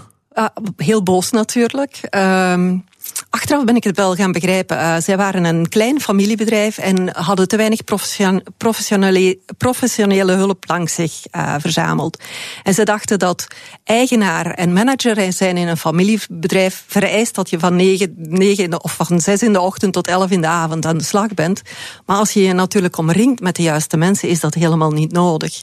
Ja, maar goed, uh, een broer van u heeft, heeft de zaak toen overgenomen? Nee, ze hebben het familiebedrijf uiteindelijk verkocht aan een ander familiebedrijf. Oké, okay, dus, een heel... dus het, is, het, is, nog steeds een familiebedrijf, alleen ja. bij een andere familie. Ja, en zie je natuurlijk veel, hè, dat de kleinere familiebedrijven overgenomen worden door grotere familiebedrijven die dan echt een groep hmm. van bedrijven uitbouwen. En tot slot, die ervaring die u heeft zeg maar, in, in uw eigen familie... en dat u, uh, dat u botving, u was eigenlijk niet welkom in het uh, familiebedrijf... Uh, gebruikt u dat nog bij uw onderzoek voor Windesheim... het Landelijke Expertisecentrum Familiebedrijven? Ik neem aan dat uw eigen ervaring daarbij ook leidend is. Absoluut. Ehm, ik werk samen met collega-lector Ilse Matser. Die heeft het Landelijk Expertisecentrum in 2009 opgestart... Um, en we, hebben, we werken op verschillende onderwerpen. Zij is vooral bezig met opvolging en governance. En we hebben dus uh, verschillende sessies met uh, brancheorganisaties, waarin we ook jonge opvolgers begeleiden in hoe pak je nu dat proces aan. We hebben daar ook een hele goede ondersteuning bij van de provincie Overijssel, die ook allerlei subsidies heeft om dit soort van trajecten verder uit te werken. Dus uh, in die zin is het mooi dat ik nu bij heel veel familiebedrijven kan gaan binnenkijken en daar een bijdrage kan leveren. Ja, zometeen praten we verder over familiebedrijven, want vaak zijn ze nog te afhankelijk van de ideeën van de oprichter. Dat zo. BNR Nieuwsradio. Hemmen. Familiebedrijven maken de mooiste producten, maar zijn vaak nog wel afhankelijk van hun oprichter voor nieuwe ideeën. En ook houden families zich niet genoeg bezig met het vernieuwen van de organisatiecultuur. Dat zegt uh, Anita van Gils. Zij is lector familiebedrijven aan de Hogeschool Windesheim. Ja, in uw onderzoek ziet u dat familiebedrijven vooral bezig zijn met uh, innovaties van het uh, product. He, dus het, het, product wordt wel steeds, steeds verbeterd. Ja. Wat, wat, voor innovaties zijn dat? Wel, wij hebben onderzoek gedaan uh, in Oost-Nederland in de maakindustrie, waarbij we eigenlijk zijn gaan nagaan van wat betekent innova innovatie nou voor jou als bedrijf. En dan ga je eigenlijk kijken naar een innovatieportfolio. En er zijn verschillende vormen van innovatie waar je je mee bezig kan houden. En dan zagen we dat in uh, familiebedrijven gemiddeld 40% van de innovaties waren productinnovaties, 30% waren procesinnovaties, dus hoe maak je het volledige proces tot aan, om tot aan het product te komen. En 17% was sociale of organisatie-innovatie en 13% uh, service-innovatie. En wat we dus aangeven is, die producten zijn natuurlijk enorm belangrijk. Het proces dat ertoe leidt ook. Maar uh, producten zijn ook heel erg kwetsbaar. Op het moment dat je een product op de markt brengt, is het heel makkelijk voor je concurrent in het binnen- of buitenland om via reverse engineering je product volledig te gaan bestuderen, te kopiëren. Uh, intellectueel eigendom wordt niet in alle landen even serieus genomen als dat dat hier gedaan wordt. Dus je moet eigenlijk ook op zoek gaan naar, naar andere manieren waarop je een toegevoegde waarde kan leveren. En familiebedrijven zijn volgens ons, en op basis van onderzoek weten we dat, ook veel sterker in die elementen als service, innovatie en uh, sociale of organisatie-innovatie. Want die, die verhouding tussen de verschillende innovatievormen, die, die is heel anders voor niet-familiebedrijven? Um, familie, eh, familiebedrijven doen het op het vlak van organisatie-innovatie zelfs iets beter dan de niet-familiebedrijven, omdat ze bekend staan als betrokken en goede werkgever. Dus je ziet dat wat betreft die sociale innovatie, um, familiebedrijven toch wel meer inspanningen doen om uh, mensen aan te trekken en ook mensen te behouden en daar allerlei initiatieven voor te ontplooien. Oké, okay, maar goed, het, het, is, het, is, wel een oproep aan juist ook familiebedrijven om, uh, om daar, uh, daar zicht op te houden. Ja. ja. u zegt ook familiebedrijven zijn te afhankelijk van de ideeën van de oprichter nog altijd. Hè? De, de, de geest van de, van de oprichter, de grondlegger van het bedrijf, waart eigenlijk nog rond in de hele organisatie. Ja, heel heeft, lang. U, heeft u daar concrete voorbeelden van? Ja, we noemen het de shadow of the founder altijd. Hè. Heel vaak heb je. Um, Ook heel beeldend, hè? Dat, het, Ja. dat is een schaduw vooruit werpt. Ja, um, heel vaak heb je natuurlijk mensen die vanuit techniek een bedrijf opstarten.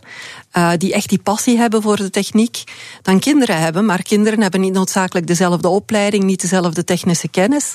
Uh, en op het moment dat dan het bedrijf moet doorgezet worden naar de volgende generatie, dan, dan is die ondernemer natuurlijk nog altijd, of die eerste generatie, heel belangrijk voor de techniek in het bedrijf. En wat we te, te vaak zien is dat. Uh, familiebedrijven uh, niet snel genoeg gaan kijken naar welke competenties zijn er in de organisatie. Uh, zitten er binnen de familie de juiste competenties? Of moeten we echt ook mensen gaan zoeken die ervoor kunnen zorgen dat die competenties die ontbreken, dat die ook in de organisatie worden ingebracht? Ja, is, is dat bij een, uh, bij een organisatie die, uh, ik bedoel, de, de oprichter zal in elke organisatie nog wel iets van die, van die shadow voor, vooruitwerpen, toch? Ja, ook als het niet zijn kinderen zijn die het overnemen. Um, ja, maar een, een, een ondernemer zou goed moeten nadenken over wat is mijn positie op het moment dat ik um, de pensioengerechtigde leeftijd mm. bereik. En dan zie je, sommige ondernemers zijn vrij goed in het afstand nemen door bijvoorbeeld nog in een raad van commissarissen of in een raad van advies een functie te vervullen. En dan echt gewoon adviserend zijn. Maar je ziet ook heel veel ondernemers die in de organisatie actief blijven, die nog altijd hun bureau daar hebben, mm. die ook heel kritisch kijken naar wat dat de kinderen doen. Want gegarandeerd dat als de, de kinderen in de organisatie komen, of niet familiemanagers uh, komen in de organisatie, de tijden zijn veranderd. We leven in een tijd van digitalisering. We leven in een tijd waar dat allemaal sneller en, en sneller je, moet gaan. ben je minder geneigd om dat contractueel bijvoorbeeld vast te leggen. Hoeveel, hoeveel rechten je nog hebt om op, op de zaak te komen. Ja, het, het, het gaat zelfs. Het, het is het psychologische eigendom, ja. blijft heel vaak bij ja. die eerste generatie. Ja. En ze hebben het dan soms ook heel moeilijk met dat hun kinderen het ineens anders gaan doen. En daarom is het eigenlijk beter dat op, je met elkaar afspreekt dat je afscheid neemt in de volgende generatie, inderdaad. En dat is makkelijker om afstand te nemen als je niet aan je eigen familie overdoet. Um, nou, ik weet het niet of het. Of want, want heel veel oprichters zijn natuurlijk sowieso heel erg dominant. Anders was het geen succesvol bedrijf geworden. Maar dat, dat zal je met andere, andere ondernemingen ook hebben. Juist die hele uh, ja, bekende founders van, van, uh, van ondernemingen. Dat geldt over de hele wereld natuurlijk. Ja, absoluut. Maar ik denk dat het belangrijk is dat je um, zorgt dat. dat we met een van de PhD-studenten in Windesheim doen we onderzoek naar hoe, hoe pak je zo'n proces nu eigenlijk best op als eigenaar. En uh, het is belangrijk dat je toch op, op, op het moment dat je kinderen uh, naar, naar het hoger onderwijs gaan, dat je met je kinderen in gesprek gaat over uh, wat wil je nu naar de toekomst. En dan hoeft het niet onmiddellijk te gaan over ga je het bedrijf willen overnemen of niet. Maar het zou kunnen dat je het eigendom van je bedrijf al wil overzetten. En dan kan je gaan kijken van hoe gaat die eigendomsoverdracht het beste gaan. Ja. En dan afhankelijk van wat je kinderen willen, ga je kijken of je wel die kinderen er gaat betrekken en wat de beste opleiding is voor die kinderen, zodanig dat je als ondernemer wel het vertrouwen erin hebt dat zij het ook op een goede manier kunnen verder zetten. Maar goed, de overdracht van de onderneming, dat speelt eigenlijk altijd een hele belangrijke rol. Het staat altijd op de voorgrond bij, uh, bij ja, familiebedrijven. En daar hebben heel veel ondernemers het moeilijk mee, omdat het bedrijf echt hun kindje is. En het lijkt een beetje als sterven. Hè. Het moeten afgeven van je kind en zelf niet meer actief zijn in die organisatie is heel moeilijk. Vandaar dat we ook zeggen, er moet een hele goede family governance structuur komen. Eigenlijk zou je met elkaar in gesprek moeten gaan en zou je met de familie afspraken moeten maken in een familiestatuut, in een family office kan je met elkaar in overleg gaan. Om te kijken hoe dat je die overdracht kan, kan gaan doen. Want en, het wordt, en hoe vaak wordt dat toegepast?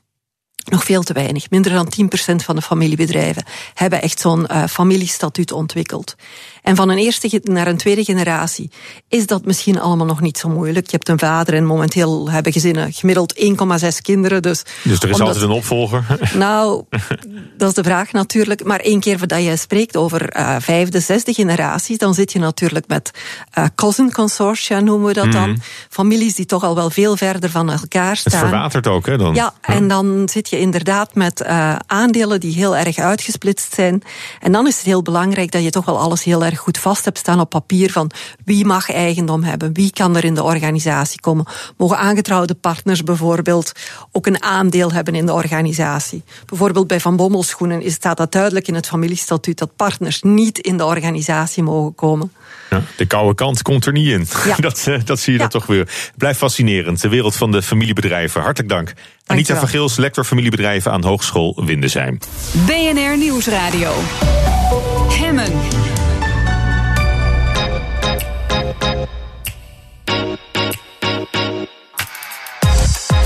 In de zomer gaat ook Hemme een beetje op vakantie. En daarom spreken we elke dag een van onze leukste gasten uit het afgelopen seizoen. Vanuit hun hangmat op het vakantieadres. En vandaag is dat Iteke de Jong, luchtvaartjournalist. Komt regelmatig langs in de kantine. We smokkelen een beetje, want Iteke, je bent nog niet op vakantie. Maar je staat op het punt op vakantie te gaan. En ja. bent daar niet eens heel erg enthousiast over, geloof ik. Nee, uh, ik, uh, we gaan een weekje in de buurt van Maastricht in een huisje. In een huisje? En uh, ja, maar ik doe altijd lekker weg in eigen land. Ik heb al een heel druk leven. En uh, ik reis ook af en toe natuurlijk. En uh, nou, dan is het heel uh, overzichtelijk om binnen twee uur op je vakantieadres uh, te zijn. Dus lekker in eigen land, maar niet, niet hardcore kamperen? Nee, absoluut niet. Nee, daar heb ik, heb ik een te druk leven voor. Ik haal geen ontspanning uit, uit kamperen. Ik vind het onhandig dat je je spullen niet bij de hand hebt. Daarbij kan ik me eigenlijk nooit ontspannen op campings, omdat ik campings en vakantieparken associeer met werk. Dat komt omdat ik zelf de dochter van een campinghouder ben.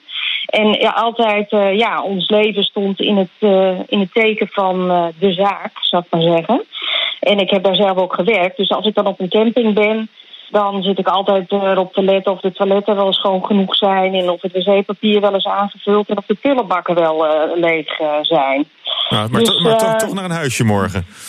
Ja, nee, ja, goed, dat, dat, is, dat hoort er dan bij. Uh, uh, ja, ik, we hebben een gezin, dus uh, mijn man vindt dan ook dat kinderen recht hebben om ook een weekje weg te gaan op vakantie. En we gaan ook nog een paar dagen sluiten we af op, de, op de Efteling. Oké, okay, ja, dus toch, toch een beetje, beetje pret maken. Want je, je ja. kan dat kritische oog kan je niet uitschakelen als je op, bij een recreatiebedrijf te gast bent. Nee, dat is, dat, dat, dat, is er zo uh, in, in, in, ingeslagen. Nou ja, niet letterlijk, maar dat, daar, daar ben ik zo mee uh, doordringd. Dat dat, uh, ja, dat, ik, ik blijf daar altijd oog voor hebben. Ja. Dus, maar, maar, misschien, en, ook wat, misschien heb je dan ook wat tips voor campinghouders om het, om het goed te doen. Waar, waar schort het meestal aan, wat, je, wat jij ziet? Nou, doorgaans gaat het zo goed hoor. Maar vaak gaat het om kleine dingen. De, de, de puntjes op de i. Zoals laatst, toen waren we in een huisje in Frankrijk, ook op een groot park van een grote keten. En toen kwam ik in dat huisje en toen moest ik zelf het zakje in het prullenbakje in de wc doen. dacht ik van ja, als je nou 1200 euro per week voor zo'n huisje betaalt, dan moet dat gewoon voor elkaar zijn. Makkelijk. Aan dat soort mini dingetjes. eh, ja, en ook bijvoorbeeld de snelheid bij de receptie. Ja, goed, ik kan er eindeloos over doorgaan. Maar goed, dit moet, eh, moet een leuke rubriek zijn. Ja, Eh, maar dat, maar dan, rust, dan rust je niet echt uit van je vakantie, lijkt, lijkt mij zo. Eh, wat, wat, Ja. wat lees je op vakantie? Ehm, van alles en nog wat. Ik heb nu de biografie van Ruud Lubbers eh, gehaald. Ik heb het nieuwste boek van Hendrik Groen heb ik, eh, gehaald. Ik heb de biografie van Mick Jagger nog maar eens uit de bibliotheek getrokken van meer. Ik ben ineens een beetje geïnteresseerd in de, de zakenman Jagger. Dus, ehm, En, en, nou jij- ja, en dus je dat- leest nog ouderwets van papier. Daar gaat er een boekenkist mee. Of heb je een e-reader? Eh, ik heb ook een e-reader, beide. Maar eh, in de bibliotheek, ik heb het niet uitgevogeld hoe je dan een bibliotheekboek op een e-reader eh, moet, moet zetten. Maar als ik gewoon als ik voor mijn werk vlieg of zo, dan, dan neem ik altijd een e-reader mee. Maar ik vind het ook altijd nog prettig om van papier af te lezen. Oké, nou dat, eh, daar krijg je ruimschoots eh, de gelegenheid voor in het, in het huisje bij, bij Heerlijk, Maastricht. ja, ik heb er enorm veel zin in. Ik wens je een hele fijne vakantie met je gezin. Iteke de Jong, dankjewel. BNR Nieuwsradio. Hemmen.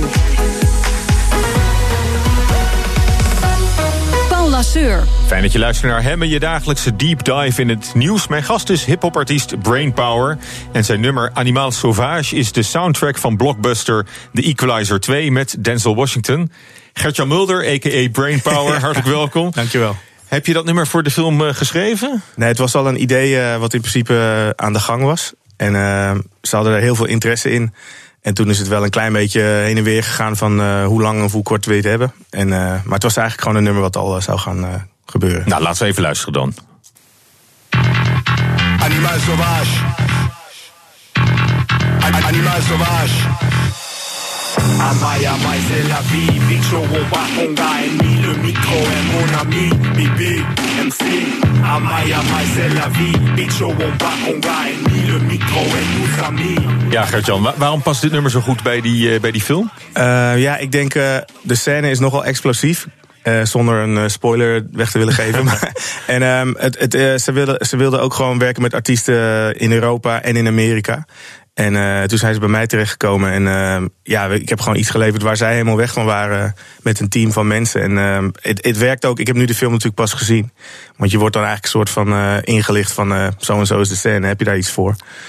En um, ik denk dat het, ja, je moet het eigenlijk zien, maar het past gewoon heel goed bij de emotie van, uh, ja. van de film. Want het gaat natuurlijk, want je zei net al, ik wil niet spoilen, maar het gaat met heel veel geheimhouding gepaard. Want uh, ja, nee, nu is hij al uit natuurlijk. Daar zijn ze natuurlijk bang voor ja. in, het, in dat proces. Ja, dat klopt. Dat je al te vroeg zegt van, joh, ik heb, ik heb wat geschreven en ik weet, ik weet hoe het afloopt. Precies, ja, dus dat, dat, uh, dat kan je dan niet altijd doen inderdaad. Oké, okay, maar goed, dat, dat explosieve, dat, ja. Uh, dat, uh, ja, dat is een beetje, een beetje een donkere plaat ja, ook wel, hè? het is best wel een zenuwachtig nummer, ja. En uh, het, het gaat, kijk, weet je, het, het heet Animaal Sauvage, is natuurlijk Frans voor... Um, ja, voor, uh, voor wild beest. Mm. En uh, met, het, wat ik eigenlijk oorspronkelijk wilde doen in, in het liedje is, is me afvragen van wie is er nou eigenlijk, wie is er nou savage, wie is er nou asociaal? Weet je, zijn, zijn het de mensen. De achtervolgde of de achtervolger? Ja, of, of zijn het de powers to be of zijn het de mensen? En het was een heel politieke track met een rapper uit Brussel, uh, Picho. En Frans en, en Vlaams en Engels door elkaar. En uh, ja, dus het werkt uiteindelijk heel goed in de film. Omdat Denzel Washington speelt ook wel best wel een heftig iemand. Die afrekent met, uh, met savages, met wilde mm -hmm. gasten. Maar hij moet daar zelf ook wel wat wild voor doen. ja, en die, die film, speelt hij zich ook in Europa af voor een deel? Of is het, ja, een, deeltje, een klein deel speelt in Brussel. Ja. En het grootste deel speelt in Amerika. Maar dat internationale, dat, daar heb je ook echt aan bij willen dragen met, ja, met dit nummer. Ja, ja en ik, ik ben al langer bezig in, uh, in Amerika met uh, muziek. En uh, ik heb een aantal mensen waar ik mee samenwerk. En ik had al eerder een liedje in een andere film. En, maar dit was natuurlijk uh, wel groot nieuws, omdat Denzel Washington is natuurlijk een van de, ja, een van de top 10 acteurs ja. uh, aller tijden ongeveer. Ja, geweldig. En, en hoe, hoe kom je dan met de mensen achter de film in, in contact? Nou ja, ze hebben mij gevraagd. Dus zeg maar, uh, Jabari Ali heet die man. Mm. Um, hij is de music... Dat is de producent of de muziekproducent ja, van de film. De muziek, ja. je, hebt, je hebt iemand die de score maakt, weet je, ja. echt, echt de, de, de, de, instrumentale stukken. En dan heb je iemand, een music supervisor noemen ze dat. Mm. Dus een, ja, eigenlijk een, iemand die het overzicht bewaart voor de andere liedjes die in de film komen.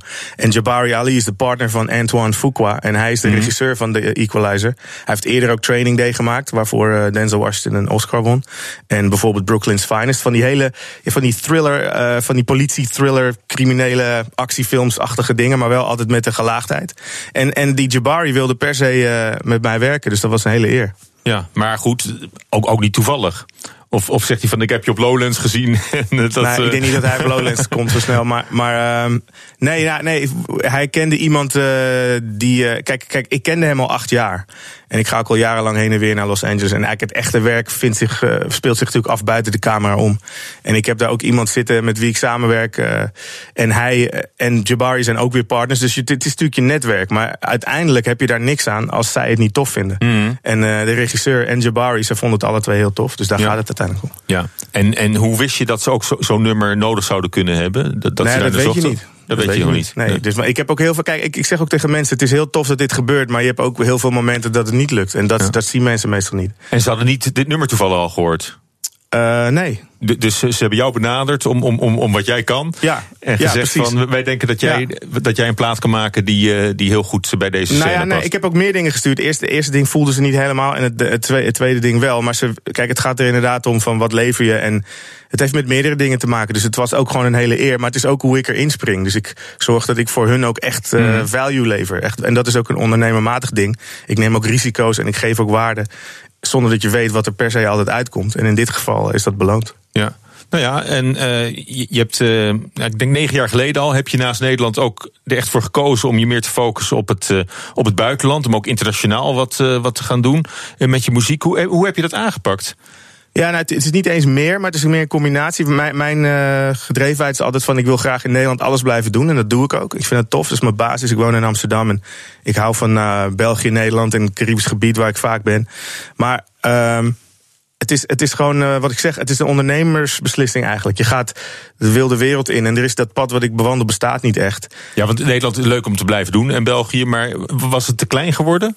Nee, het is, je wil gewoon groeien als ondernemer, weet je wel. En ik bedoel, ik ben Ja, Engels. maar ook als artiest. Ik denk ook dat je, dat je een, Ja, boodschap eh, wil, Ja, wil tuurlijk, uitdragen. tuurlijk, maar ik ben, ik ben het alle twee. En omdat het business radio is, denk ik, ik zeg ondernemer, maar ik ben natuurlijk een artiest in hart en nieren. Ik, eh, ik denk, anders word ik er nog uitgezet hier. Nee, maar kijk, het is, het is alle twee. Ik ben een artiest en ik onderneem het zelf. En ik, eh, heel veel mensen gaven mij adviezen waar ik niks mee kon in Nederland. Toen ben ik het zelf gaan doen. Dat is het eigenlijk. En dat is ook gewoon het durven doen. En je gaat ook echt wel op je bek, weet je wel. Ja, maar, maar, maar, maar doen, eh, concreet, wat, wat, wat voor... eh, Wat doen is- is- eh, open je ergens een kantoortje? Of, Nou ja, of ga je nou mensen ja, bellen? Een, Of, een laptop, een la- ja, goede, goede vraag, Paul. Nee, het, een laptop is genoeg, maar wat het is, is uitzoeken. Ik vind heel veel artiesten, ook vrienden van mij, die zeggen: ja, ik weet niet hoe dat moet. Zoek het dan uit, weet je. En sta op, zoek het uit, bel iemand, Google, ga internet op, eh, ehm, eh, eh, ga er achteraan. Dus ik ben naar Amerika gegaan, was, was ik al vaker. Maar ik heb ook heel veel underground dingen gedaan. Heel veel singles die heel weinig gedaan hebben. Ehm, en mensen opzoeken. En ik ik merkte heel erg, je moet bij een publisher zitten, een uitgever. Of je moet bij dit zitten, of je moet bij dat zitten. En ik had zoiets van, nee, ik ben, ik ben independent, ik wil dat zelf doen. En uiteindelijk ben ik mensen tegengekomen die dat ook zo zagen. En daar is dit nu uitgekomen. En dat is dus heel concreet. Onderneem stappen en, en, en maak, weet je, ben, wees vooral niet bezig met de mening van anderen, maar doe wat jij wil doen. En dat is ook heel moeilijk, omdat wij altijd als mensen toch graag naar een ander luisteren. En wat zegt die en wat zegt hij? Maar veel mensen zetten vaak hun eigen angst of onzekerheid op jouw pad. Gooien ze dan van ja, maar nou, wat nou als dat gebeurt? Ja, je bent een beetje een wolkenfietser. Ik heb alles gehoord van mijn eigen management, van iedereen. Ik dacht van nou ja, ik hou van jullie en ik doe het ook altijd heel fatsoenlijk en schappelijk. Te gek en eh, no hard feelings, maar ik ga dit zo doen. Ja. En, en, en, dat, je nu een, een plaat, eh, plaat maakt voor, eh, voor, voor bij, bij, bij een blockbuster. Hè, Dat is natuurlijk een. dat, dat ziet iedereen. Wil Ja. iedereen ook graag van jou horen. Maar je hebt natuurlijk veel meer bereikt in, in die negen jaar dat je nu ook internationaal eh, aan de weg timmert. Wa- Wat we niet allemaal kunnen zien. Nee. nee, maar waar, waar, waar sta je nu? Wat, wat, is, jouw, eh, wat is jouw positie? Eh, nou ja, ik heb best wel een Of kun je vergelijken misschien met, met andere artiesten? Die, nou ja, kijk, er zijn heel, heel veel Nederlandse jongens doen natuurlijk grote dingen, vooral in de EDM-wereld, weet je wel. En die DJ-teams, die doen natuurlijk fantastische Mhm. dingen internationaal. Maar ik denk als rapartiest zijn is het toch wel... Helpt het jou trouwens dat, dat Nederland ook met, Nee. met de DJ's zo'n Niet echt. zo'n reputatie heeft? Nee. Nee, want wat ik doe is anders. Ik ben een vocal performer en een Mhm. songwriter. Dus ik, ik perform zelf de vocalen. En dat maakt het ook wel bijzonder. Dat je in verschillende talen geaccepteerd wordt door, eh, door mensen internationaal. Maar het is natuurlijk leuk. Je kan natuurlijk zeggen, zij komen uit Nederland. Maar ze, ze gaan meer harder op, op Amsterdam per se. Dat je in Hmm. Amsterdam komt, vinden ze leuk. Maar ik, heb de, ik vind het leuk. Ik geef altijd eh, mijn respect aan de jongens. Ik vind het fantastisch wat ze doen. Eh, maar het is niet zo dat, eh, dat dat voor mij het heel veel makkelijker maakt. Het is wel een Hmm. tijdje zo geweest dat de labels meer luisterden. Omdat de Nederlandse DJ's zoveel Hmm, hits ja. scoorden. Weet je, Afrojack en jongens doen grote dingen. Nou, als op een ander gebied, hè, met Dutch Design bijvoorbeeld. Ja. Dat, dat wil mensen ineens ook allemaal... Ja, ja, en je moet het zo zien. Heineken is een Nederlands biermerk. Maar het- ik kan wel moeilijk daar een meet- meeting binnenkomen van... ja, Heineken, weet je wel, komt uit Nederland. Ja, ik ook. Heb je een klus voor me, weet je wel. Dus dat, zo werkt het niet. Eh, Tenminste, ik dacht, ik dacht oorspronkelijk ook dat dat zou helpen... Mm. maar dat is niet echt zo. Een klein beetje. En het gaat vooral om wat je zelf kan leveren... en eh, je begrip van de business. Dus als jij vraagt, wat is mijn positie? Ik ben, in principe werk ik gewoon heel hard. En het is ook niet zo dat je zomaar opeens gegarandeerd 20 klussen hebt. Eh, het is gewoon doorgaan en, en value bieden. Dus waarde bieden en ook gewoon kwaliteit. En waar, kijk, weet je, ik ben ook zo lang doorgegaan met mijn stijl van hip-hop. Dat mensen op een gegeven moment ja, dat is passé of dat is oud of moet dat dan Mhm. nog. Ik heb gewoon naar niemand geluisterd. En nu is het weer tof. Nu heb je grote wereldmachten zoals Dr. Dre, Kendrick Lamar, J. Cole. Die gasten die, die, die zijn huge, weet je. En dat zijn ook eh, eh, rappers in de klassieke Mhm. zin van het woord. Met een bepaald soort inhoud, een bepaald soort flows. En ehm, ja, nu heb ik mijn eigen niche daar een beetje in gevonden. En eh, ja, dit is eigenlijk pas het begin, weet je wel. En, en hoe, hoe groot is je, is je business? Ja, ja hoe meet je dat? En, Nou ja, zo meet ik het dan, dan weer niet, weet je. Zoveel als ik het woord ondernemer zeg. Het, gaat mij, het is voor mij wel een roeping. Ik ben een artiest, ik voel me geroepen om iets te doen. En je werkt natuurlijk hard, maar kostenmatig kost het ook heel veel. Dus eh, mijn business is gewoon interessant, maar het moet nog wel groter worden. Ja. En ehm, ja, hoe, hoe, want je zegt, ik, ik, ik werk daar hard voor. Hoe, wat, wat betekent hard werken? Gewoon Ja, veel, veel tijd in de studio dat- doorbrengen? Of zit je veel in het vliegtuig naar L.A. op en neer? Nou ja, ik ben eigenlijk altijd aan het werk. Ik heb eigenlijk nooit vakantie. Ik denk ik. En eh, als ik vakantie Ja, heb. omdat je werk ook niet, niet je werk Precies, is. mijn werk, precies, dat zeg je goed. Mijn werk is mijn passie. En eh, ik ben of bij familie, of ik zit in een sportschool, of ik ben aan het werk. En, en dat is het eigenlijk. En ik slaap ze nu dan.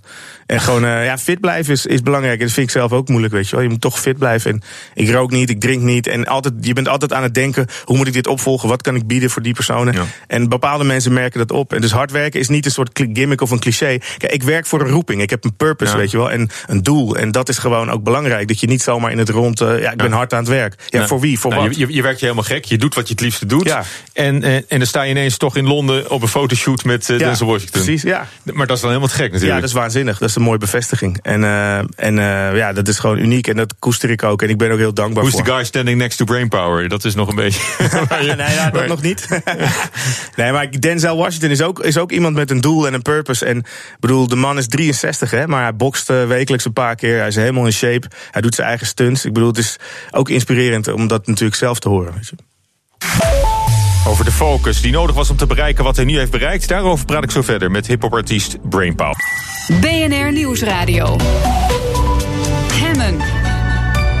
Welkom terug bij Hemmen. Ja, de soundtrack maken voor een blockbuster als The Equalizer 2. Dat overkomt je niet zomaar, eh, toch? Nee. Lijkt mij Gert-Jan Mulder, Brainpower. Ja. Eh, welke instelling heb je nodig om, om te bereiken wat je, wat, je, wat je nu hebt bereikt? Ja, nee, ik, het is eh, heel tof dat je dat zo zegt. Maar het- voor mij is het ook gewoon een, een, een ding wat ik gedaan heb. Het is niet waar ik nu alles aan ophang. Maar om je vraag te beantwoorden, is eh, een, een, een klein dingetje wat ik zou willen zeggen aan de luisteraar is. Of kijker, ik weet niet. Ja, kijker Ja, ook een beetje.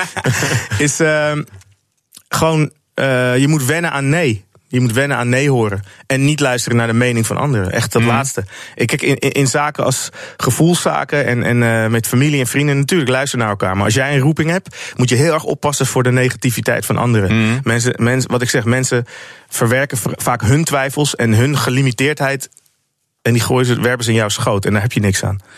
Maar altijd, altijd nee. Het is een beetje zoals dat filmpje met eh, Michael Jordan. Hè? Dat, hij, eh, dat vertelt hij dat hij voor, voor, voor al die mooie momenten die we allemaal hebben gezien, hoeveel missers daar tegenover Mhm. Ja, hebben gestaan voordat hij het eh, Ja, ik, ik, voordat hij dat niveau bereikte. Precies, precies dat is het. En ook, weet je, eh Mohammed Ali zei dat ook wel eens ergens volgens mij. Van de echte, de echte battle wordt gevochten buiten de kamer. Ja, in je hoofd waarschijnlijk ook, Nou ja, maar ook de, train, de training eromheen, Ja. weet je wel. Ik, ik oefen voor elk optreden. Soms dat mijn eigen DJ, met wie ik 3500 shows heb gedaan de laatste 20 jaar, DJ TLM.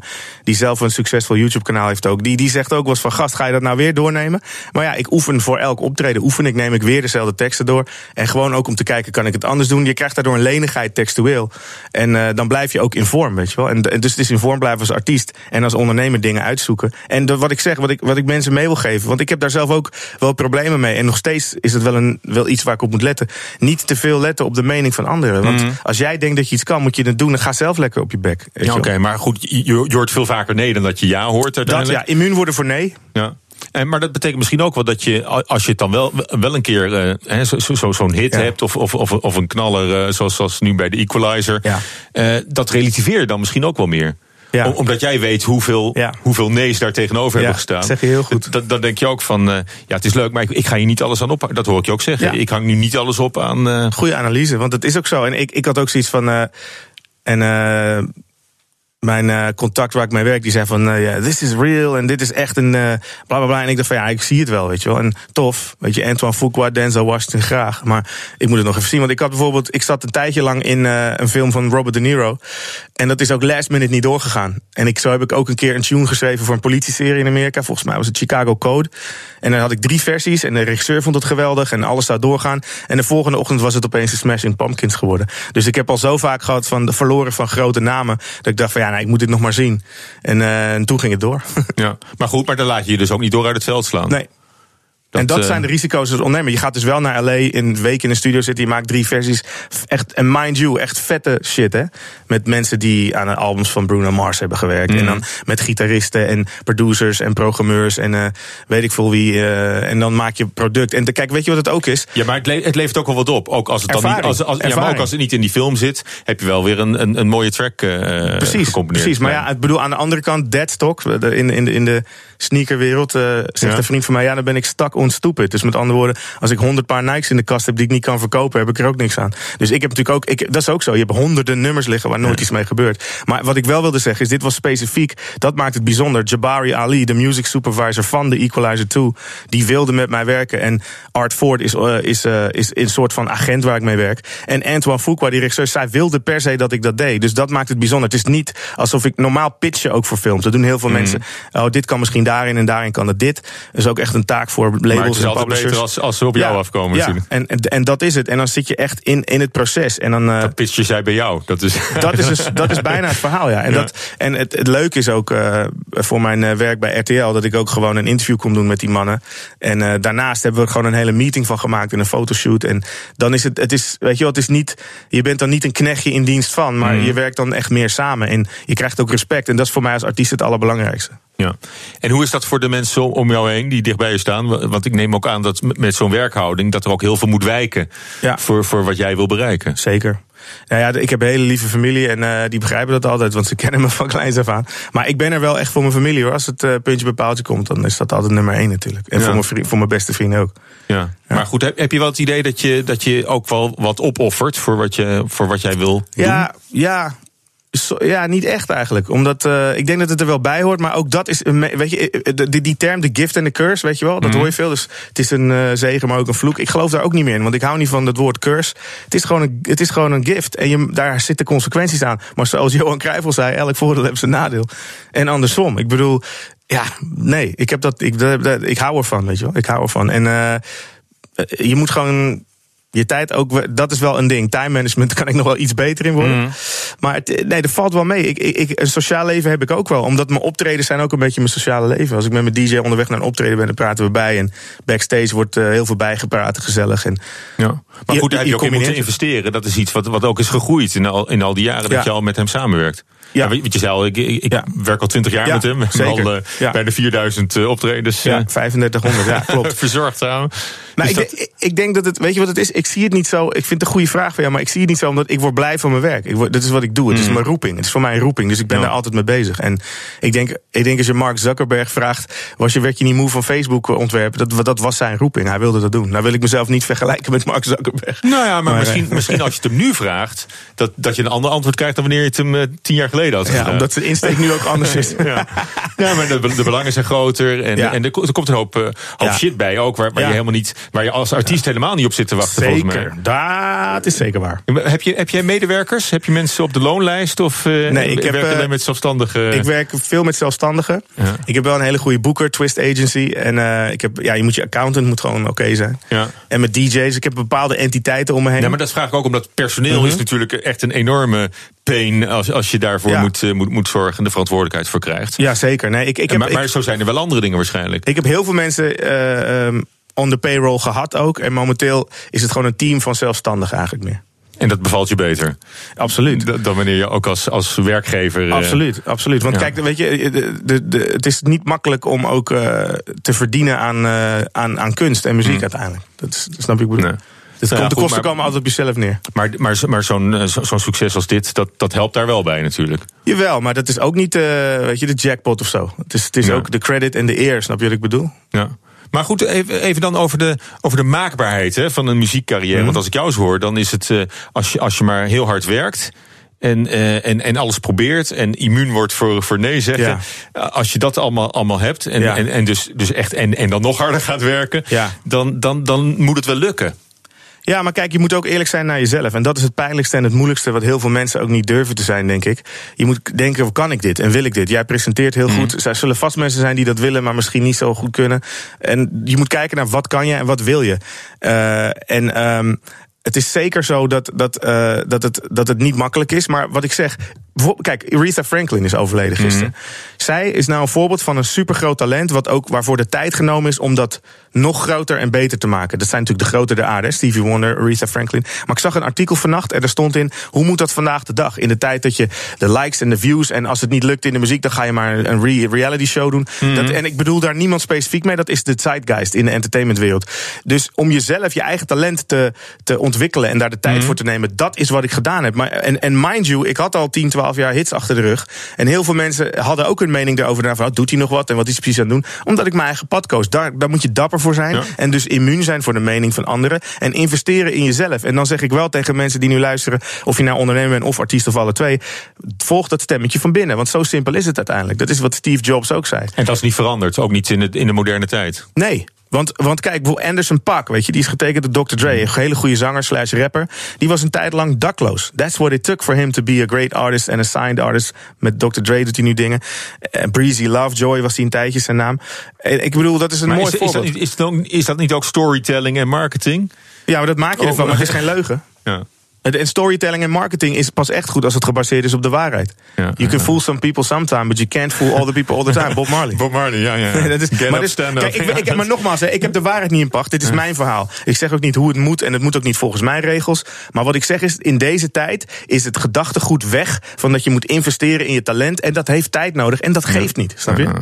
Maar goed, het- over, over maakbaarheid nogmaals hè, van de Mhm, muziekcarrière. mhm. Het is toch ook een kwestie van, van geluk hebben, de goede mensen tegenkomen. Ja, Kun- nee, kun, mensen, kun- nee. kun je dat afdwingen? Ja, of heb, je, heb je het echt zelf nee, in de hand? Nee, en daar, dat is echt. Ken je de film Rounders?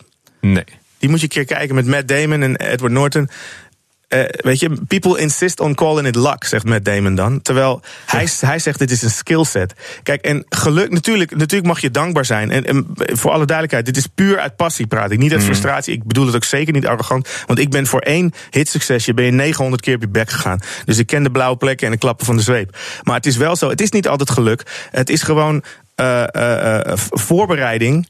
Weet je wel? En, en, en, en een klein beetje, en misschien een heel klein beetje geluk, dan, dan kom je op opportunities. Maar je moet je wel de hele tijd voorbereiden. Ga je ook op, op zondagochtend naar de sportschool als niemand kijkt? Weet je wel? En. En ga je ook, als heel, heel Nederland denkt, oh, doe je nog precies wat? Terwijl jij acht uur per dag aan het schrijven en het oefenen bent. Of je gooit honderd liedjes weg. Of je stopt al je spaargeld in een album. Allemaal dingen die ik gedaan heb. En al die klappen die je maakt. En je, daardoor filter je gewoon je eigen ware ik eruit. En een betere versie van jezelf. Ik vind dat geluk komt erbij kijken, maar minimaal. Ja. Het is meer een blessing. En mensen, me- wat ik nu ook merk, mensen die, die maken er allemaal van, oh, dat komt daardoor. Of ze willen het allemaal verklaren. Terwijl die verklaringen kloppen niet. Ja. En ik wil hun niet veroordelen, maar veroordeel mijn acties dan ook niet. Maar, Want goed, maar, is maar gewoon. mensen, maar mensen zien het niet, hè? Want ook als je Het is zegt, toch- nou, is- Brainpower komt, oh, zeggen ze van dansplaat. Ja, maar dat is dat is mooi, dat is Maar, is- fantastisch. maar is ook alweer, eh, wat is het, eh, 12 jaar, Nou ja, 15 jaar geleden of Nou, zo? en Denzel Washington, eerste film is uit, weet ik veel, eh, 85 of zo. Of St. Elsewhere, die ziekenhuisserie. Nee, maar ik zeg het ook omdat daartussen liggen ook nog heel veel jaren dat je Ja. echt, echt heel hard aan, aan het werk Ja, bent. maar Dansplaat, is, dan ga je wel heel ver terug. Ik heb daarna natuurlijk tientallen hits gehad. Want Dansplaat was een Ja. monster. Daardoor vergeten mensen Ja. non-stop en eh boxouwen en weet ik veel wat ik allemaal Ja, gedaan heb. ja, Niet om op te scheppen, maar soms moet ik het zeggen. Omdat mensen bij de, bij de Passion zijn ze ook van Dansplaat naar de Passion. Ik zeg, ja, nu mis je wel even acht albums en 16 jaar. Maar eh, weet je, ik bedoel, eh, zo, zo merk ik het ook bij collega's. Die dan opeens hebben ze één hit en dan heeft iedereen het alleen maar 25 jaar voor die hit. En dat is mooi, daar ben ik ook dankbaar voor. Maar er is meer, weet je wel. Kijk, kijk ook gewoon eh, naar wat er. Kijk maar op Spotify hoeveel liedjes er staan. Dus. Hey, en vind je het ook belangrijk om mensen te, te inspireren, om een beetje deze boodschap Ja, uit te dragen? Zeker, dat, je, vind ik eigenlijk nog leuker. Ja? Ja, nou ja, nog leuker vind ik nog belangrijker. Want eh, eh, ik praat niet zo graag over mezelf als artiest. Maar het is inderdaad uiteindelijk, en dat is ook mijn purpose, om mensen te triggeren en te inspireren. Want Paul, ik denk dat wij als mensen de taak hebben om elkaar omhoog te stuwen. En de wereld is meer ontworpen om elkaar af te zeiken. En dat laatste vind ik niet tof. En wordt jou veel gevraagd op eh, congressen Ja. om als inspirational speaker? Ja, regelmatig. Ja, ja? ja? absoluut. En ik heb natuurlijk ook, eh, ik ben afgestudeerd in communicatiewetenschap aan de Universiteit van Amsterdam. Dat is iets wat ik altijd leuk vond en eigenlijk erbij deed. Muziek is mijn main thing. Maar dat eh, een academische achtergrond kan daarbij helpen. Maar vooral de veldervaring vinden mensen interessant. En het gaat mij erom of je nou eh, schaatser wil worden, of presentator, of rapper, of, of je wil muziek maken in films. Dan moet je je droom achterna gaan en met, met vallen en opstaan. En ik ben er nog steeds nog lang niet, weet je wel. Alleen Mhm. dit is een leuk moment om mensen ook te inspireren. Hey, en met eh, Animal Sauvage, dat, Ja. dat wordt natuurlijk heel groot. Er komen ook, ook die, die beelden komen natuurlijk bij uit die film waarschijnlijk. Ja. Eh, eh, zijn we je nu kwijt voor de Nederlandstalige markt? Nee, nee, absoluut niet. Ik ga volgende maand een Nederlandstalige single uitbrengen. En ik hou van Nederland. ik hou van rap in het Nederlands. En hier is mijn basis ook. Ik blij, en dat is ook mijn ding. Ik heb heel vaak artiesten gehoord. Ja, ik ben klaar met Nederland. Heb ik nooit gehad. Weet je, ik, ik hou hiervan. Ik doe wekelijks optredens hier. Ik vind het fantastisch. Dus ik kom ook met nieuw Nederlandstalig werk. Nou, Nederlandstalig werk. Nou, Verslik me bijna. En hoop- hopelijk eh, kom je ook nog, eh, nog eens bij ons eh, in de studio. als het mag, bedankt voor je Jullie komst bedankt. En je verhaal. Gert-Jan Mulder, a.k.a. Brainpower. Yes. BNR Nieuwsradio. Hemmen. Paul Lasseur. Een buschauffeur van Arriva die tijdens het rijden zijn mobieltje gebruikte... mag worden ontslagen. En ik bespreek het in... De kantine. Met vandaag Teun Gauthier van de coöperatie en Martijn de Greven, presentator bij WNL. Hartelijk welkom. Dank u. Fijn dat jullie er zijn in de, in de kantine. Eerst even over die eetpiraterij net in het nieuws. Ik, heb, ik vind het altijd zo'n zo'n romantisch eh, vergrijp, eetpiraterij. Het is natuurlijk diefstal en het mag niet. Maar ik, ik, ik, sta ik ook vond te die denken, Red Bull pellets wat- als ik nou-. Wat als ik nou gewoon de benen neem aan... eh, Ja. Ja. Ja. Tenzij het Eh. toch een beetje een patroon gaat worden... en dat je, dat je basismanier is van uit eten gaan. Dan, Dan, wordt het dan is het natuurlijk minder, maar ik... eh, In de beginfase, een beetje afhankelijk van wie het precies doet... zit er één romantisch randje aan. Ik heb ook wel eens met het gezin gedacht, jongens. Ja. Eén, twee. Op Ja. drie. Ja, En dat is een goed één, twee, voorbeeld ook voor je kinderen trouwens. Heel goed voorbeeld. Ja, ja, ja. Ja, maar goed. Maar even die, ehm, die buschauffeur, hè, die, die heeft tijdens het rijden zijn mobieltje gebruikt. Die mag worden ontslagen. Wat, eh, wat, vind- wat vinden jullie? Terecht, eh, terecht ontslag? Ja, ik vind het heel terecht. Het is in strijd met de wet. Eh, ik, weet, ik neem maar even aan dat hij niet een zieke zoon thuis had of zoiets. Maar nee, het is in strijd met de wet. En ook als voorbeeld eh, vind ik het heel terecht. En ik vind dat een werkgever daarop mag handelen. Ja. Het is nog gevaarlijker dan rijden met alcohol op. Hè? Dus, dus, dus het, staat, het is nog, nog gevaarlijker dan dat wij spreken als iemand, een chauffeur met, met alcohol achter het stuur gaat zitten. Het is ben wel een beetje pijnlijk. 16 jaar dienstverband, geloof ik. Mhm. Vlekkeloos dienstverband. Eh, en dan moet je wel, vind ik, als organisatie dan het ook helemaal doortrekken. Dus daar moet ook elke overtreding, hè, dus die man moet er niet als een soort voorbeeld eh geslachtofferd worden. Dan moet je hem ook horizontaal doortrekken, vind ik, bij iedereen die in het vervoer deelneemt. eh, dus het openbaar vervoer, Mhm. Moet dan dus deze sanctie kunnen verwachten. Maar zouden er dan, want nu gaat het om een professionele verkeersdeelnemer, hè, in, in- een, een buschauffeur. Dat, dan geldt het denk ik extra, extra zwaar, die eis om niet eh, te appen Maar tijdens ook het een commerciële touroperator operator Ja. die naar, naar, naar, naar Maar Italië moeten er wat cameraatjes komen die hem in de hangen er al. Die hangen er al. Ja, Of wat, anders hadden ze het niet geweten Hoe misschien. is dit ja. naar buiten? Oh ja, het is met Vier camera's. camera's, ja, precies. Ja. Maar een touringbus die nu naar, naar Italië rijdt of naar Spanje, zo'n zo'n 30 uur durende rit, die hebben al lang, er zitten allemaal cameraatjes in. Oké, maar goed, het, eh, ehm, we kunnen niet vaststellen of het gebruik van het mobieltje ook echt te maken had met die botsing. Hij botste achter op een vrachtwagen, Ja. meen ik. Nee, hij stond wel op een druk kruispunt, begreep ik. Ja. Hij stond stil op een druk Stil op een kruispunt. Ja. precies, niet onbelangrijk detail. Maar goed, een ongeluk Maar zit in, een, zit in een klein hoekje. Ja, en, en we kunnen eigenlijk misschien wel zeggen... dat dat had met dat, eh, met dat appen nu even niks te maken. Ja, maar, dat in- kan- in, dit kan geval heb je natuurlijk ook een, een bus met mensen waar je verantwoordelijk voor bent. Ja. Dus dat betekent dat je ieder risico moet vermijden. En, en daar als, als, werkgever zou ik, eh, ik zou het heel raar hebben gevonden als Arriva niet had ingegrepen. hier. Oké, nou ja, goed. er- Er zijn heel veel campagnes en waarschuwingen. En we zeggen het allemaal tegen elkaar. We zouden het niet moeten doen. Ja. Maar als ik het jullie op de man afvraag, eh, wordt er nog wel eens eh, geappt of gedaan tijdens het rijden? Jazeker. Oh, eh, nee, oh, daar ga- ik niet ontzettend flauw. Ja, zeker. Alleen, ik bedoel, je komt wel een beetje door de verhalen en ook door de media aandacht ervoor dat je gaat het niet tijdens het rijden meer doen. Maar ik heb wel eens als je voor een stoplicht staat of zo, ja, dat heb ik zeker wel. Ja. Ook wel eens dat ze achter je even toeteren van, eh, omdat je even... Ook die, is ja, je ook al als eens je- ja, overkomen? ook, geef ik ook toe. Ja. Ja. Nou, heel beperkt. Maar heb heb je dat filmpje gezien op, op internet waar al die lopende mensen Ja. hè, tegen lantaarnpalen lopen en dan dat beeld van die vrouw die het ongeluk krijgt? Dus Ja. sindsdien heb ik ook iets van, nou, Oké, nou ja, um, Beetje minder. er is een boete van 230 euro, staat erop, hè? ja, ja. Maar die, Terecht, die is je nooit opgelegd nog. Nee, dat is meer geluk dan wijsheid. Nee, maar goed, de, de pakkans is ook nul natuurlijk. Ja, Nou. ik, ik een hele mooie anekdote. Ik, ik zat een keer te bellen heel lang geleden, een politieauto achter me. En, eh, dus die, hield mij aan, die stopte me. Ja, weet je, dat is vervelend. Maar ik had net een koket gegeten. Dus toen kwam hij aan mijn raampje. Dus ik, ja, nee meneer, ik zat met, met, deze, met het eh, servetje van die servet zat ik in mijn oor. Ik heb een ontstoken oor. Dus ja, hij keek me aan van ja, je lult, maar ik kan natuurlijk niks maken. Dus toen heeft hij me weer laten gaan. Maar ik vond het juridisch wel, wel, wel handig dat hij Ja, uiteindelijk niet op kon pakken. Ja, maar de- deze, deze buschauffeur die, die verliest dan zijn baan hi- hierdoor. Eh, eh, dat is eigenlijk pas het, pas het begin. Pas, pas een heel klein eh, incident eigenlijk maar. Ter- Terwijl het zo, zo groots eh, verspreid is, dat probleem van die. eh, eh, van, Ja, maar ik, vind- ik, nog- begrijp wel dat je een beetje natuurlijk niet de hoe, water... hoe, hoe gaan we daar, hoe gaan we daar vanaf komen? Hoe gaan we dat doorbreken? Waar vanaf? Het app in het verkeer. Nou, Want iedereen doet het. Kijk, nou, kijk, in ieder geval meteen optreden. Ben ik ook, ook eens met boetes. Maar ik vind dit is de overtreffende trap. Je hebt de verantwoordelijkheid voor al die mensen in die bus. Dus het lijkt mij ook, als je, als je dit dus gewoon doorgaat met dit soort sancties. en meer aandacht vraagt in de media met campagnes. dat jij bij spreken, als jij als, als passagier in een bus zit. en je ziet dat jouw chauffeur aan het appen is of aan het bellen. dat je ook tegen iemand zegt: hé, hey, luister eens, kunt u zo onmiddellijk mee ophouden? En nog sterker zelfs, er loopt een camera. Dus je kan in feite, als jij als passagier daar zit. en naar de vervoersbedrijf zegt: kijkt u maar om 13.20 uur wat er daar gebeurt. Dan ben je als chauffeur al de lul. Dus je gaat uit- uiteindelijk naar een zero tolerance eh, beleid Ja. toe. Nou, hij, krijgt, hij krijgt nog wel een, eh, een vergoeding mee, hè? Ja, hij krijgt een volledige vergoeding mee. Ja. Van En, 16 en, en dat is dan wel weer terecht. Ja. Nou, ik vind dat die rechterlijke uitspraak, hè, die, die hield een rekening met die genuanceerde 16 jaar. uitspraak, En dat is een genuanceerde mooie uitspraak, ja. zeker.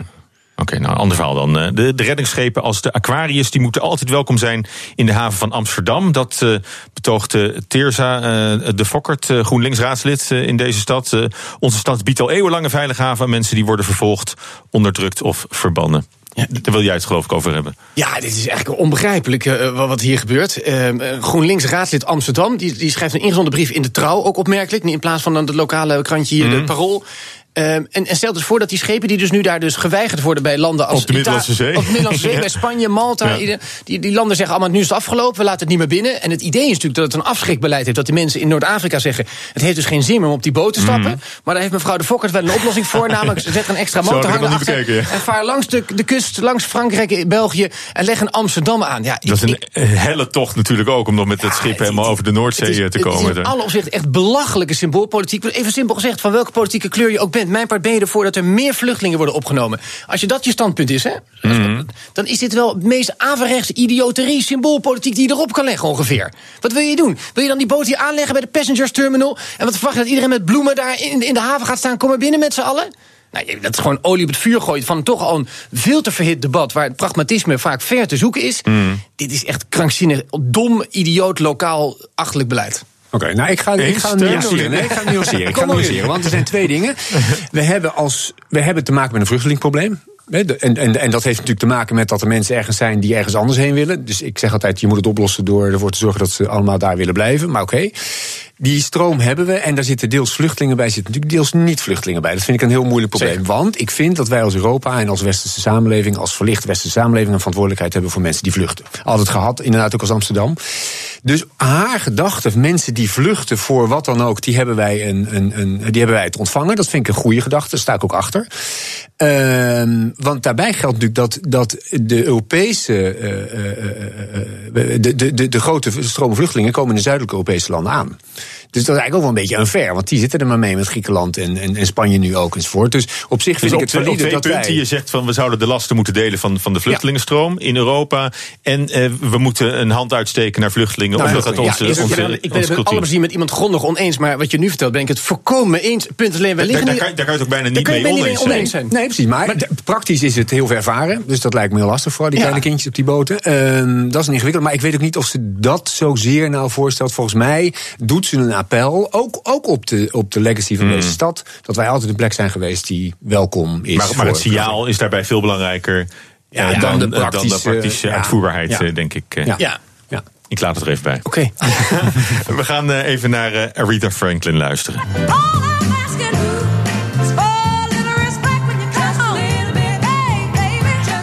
Gisteren overleden, natuurlijk eh, 76 jaar eh, oud geworden, de Queen of Soul. Veel reacties eh, uit de muziekwereld. Eh, voor jullie nog een bijzondere betekenis, Aretha Franklin?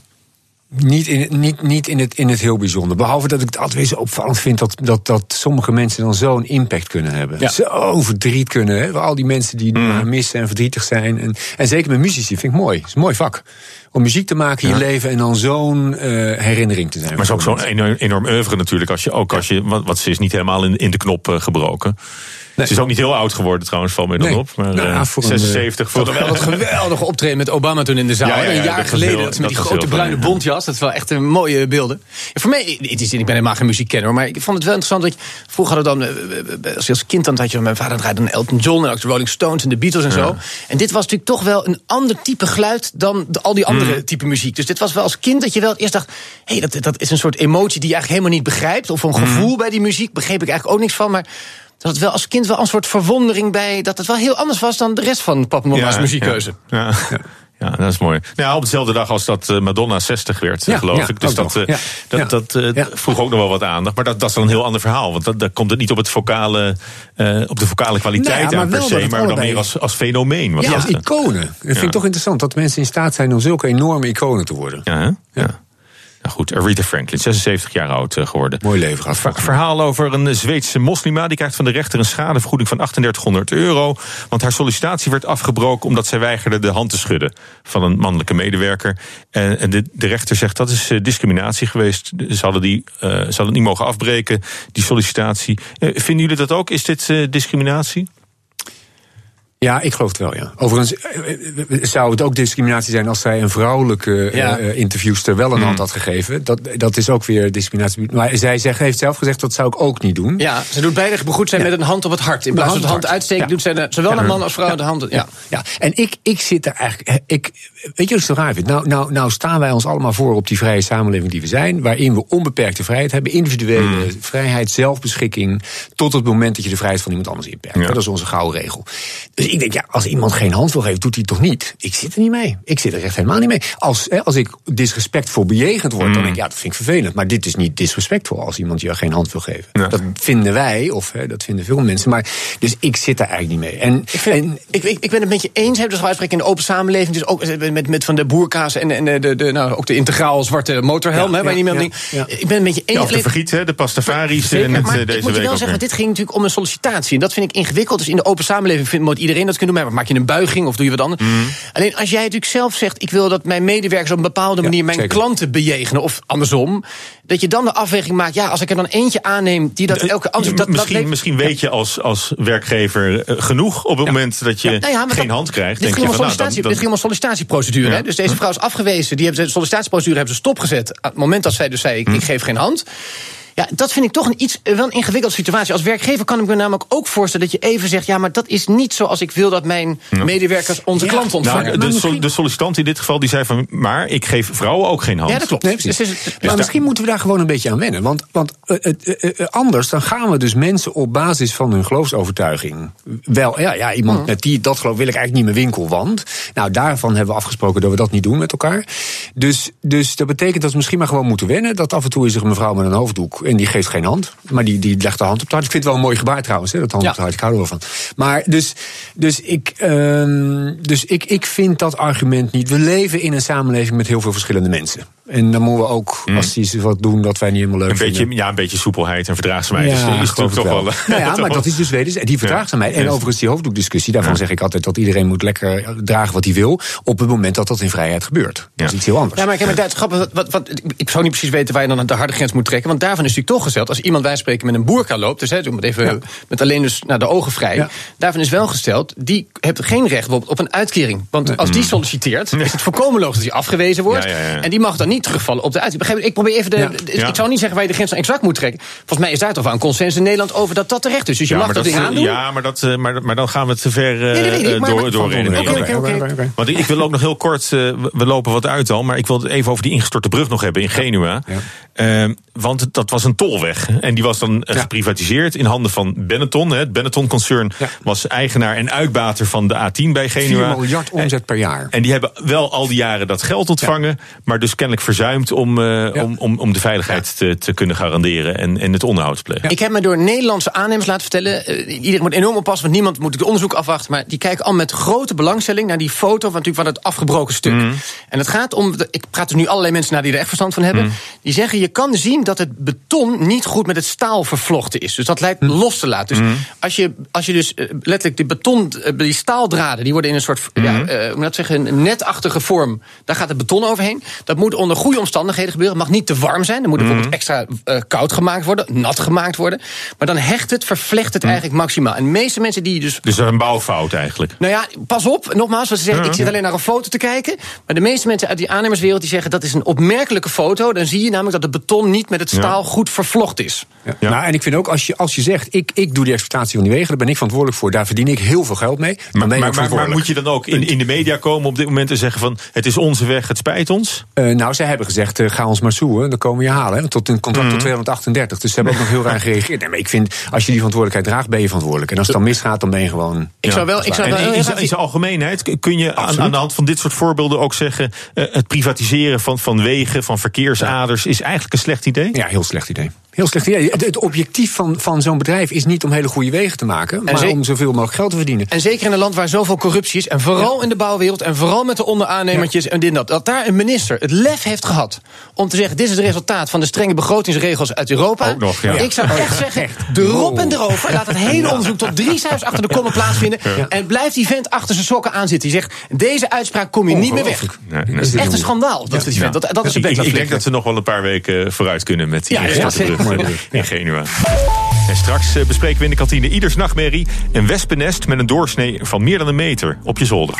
BNR Nieuwsradio.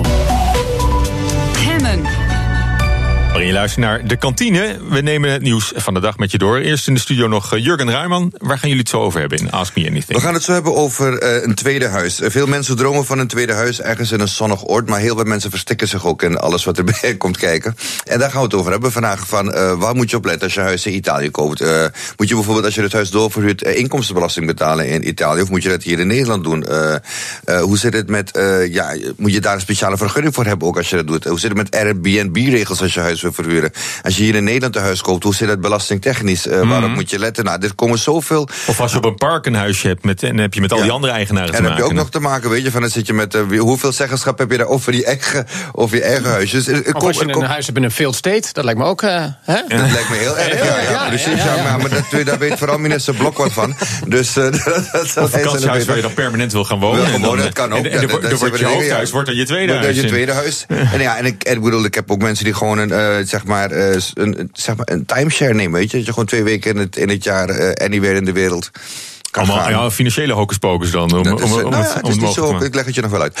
Eh, maar, maar dat werkt ook wel heel handig.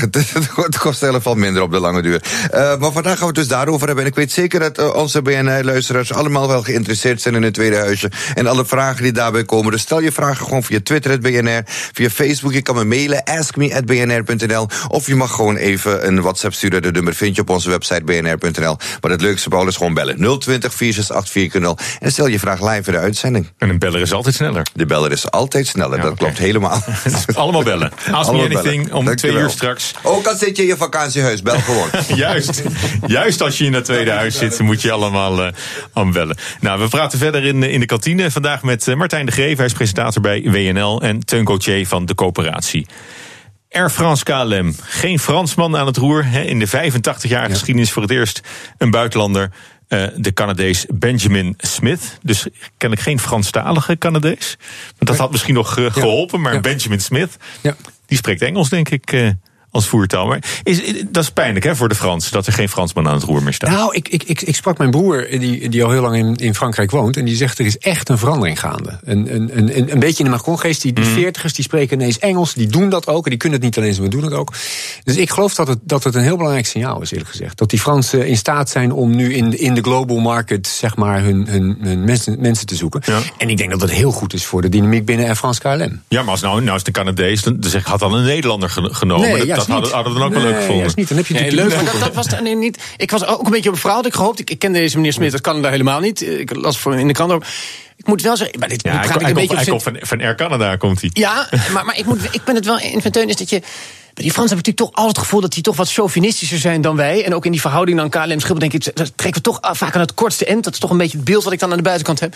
Dus ik ben het echt wel ook een doorbraak. Dus dat daar inderdaad toch echt een niet-Fransman nu komt zitten. eh, Ik denk dat dat in ieder geval voor de uitstraling en, en, en voor de toekomst wel een, een, een soort frisse, frisse en nieuwe energie geeft. Ja, maar de, de vakbonden, nou is dat een typische representant van het, van het oude Frankrijk, eh, denk ik. Die zien het helemaal niet zitten. Dat heb ik niet gezien. Wat vinden zij dan? Nou, die, die maken daar bezwaar tegen. Die zeggen van, eh, die, die roepen hem alvast eh, op het mandje Ja. van, eh, eh, ja, hoe zit dat? Op grond waarvan? Nou, gewoon dat het, het is een Frans bedrijf. Heeft altijd een Fransman aan het hoofd gestaan. Nou, de laatste dat, Fransman eh, eh, die, die, eh, die daar eh, het pand verliet, die hebben ze over het hek moeten laten. Ja, met- zijn ja, broek nee, was onderbroek getrokken, wilde ik allemaal, ja. Dus er zullen wat veel spijt van hebben dan Ja, nu. die hadden het- zijn shirt onder zijn pak uit, uit- De beveiliging ontzet, dus als we zo verdrietig zijn, dan moeten ze daar maar aan terugdenken. Ja.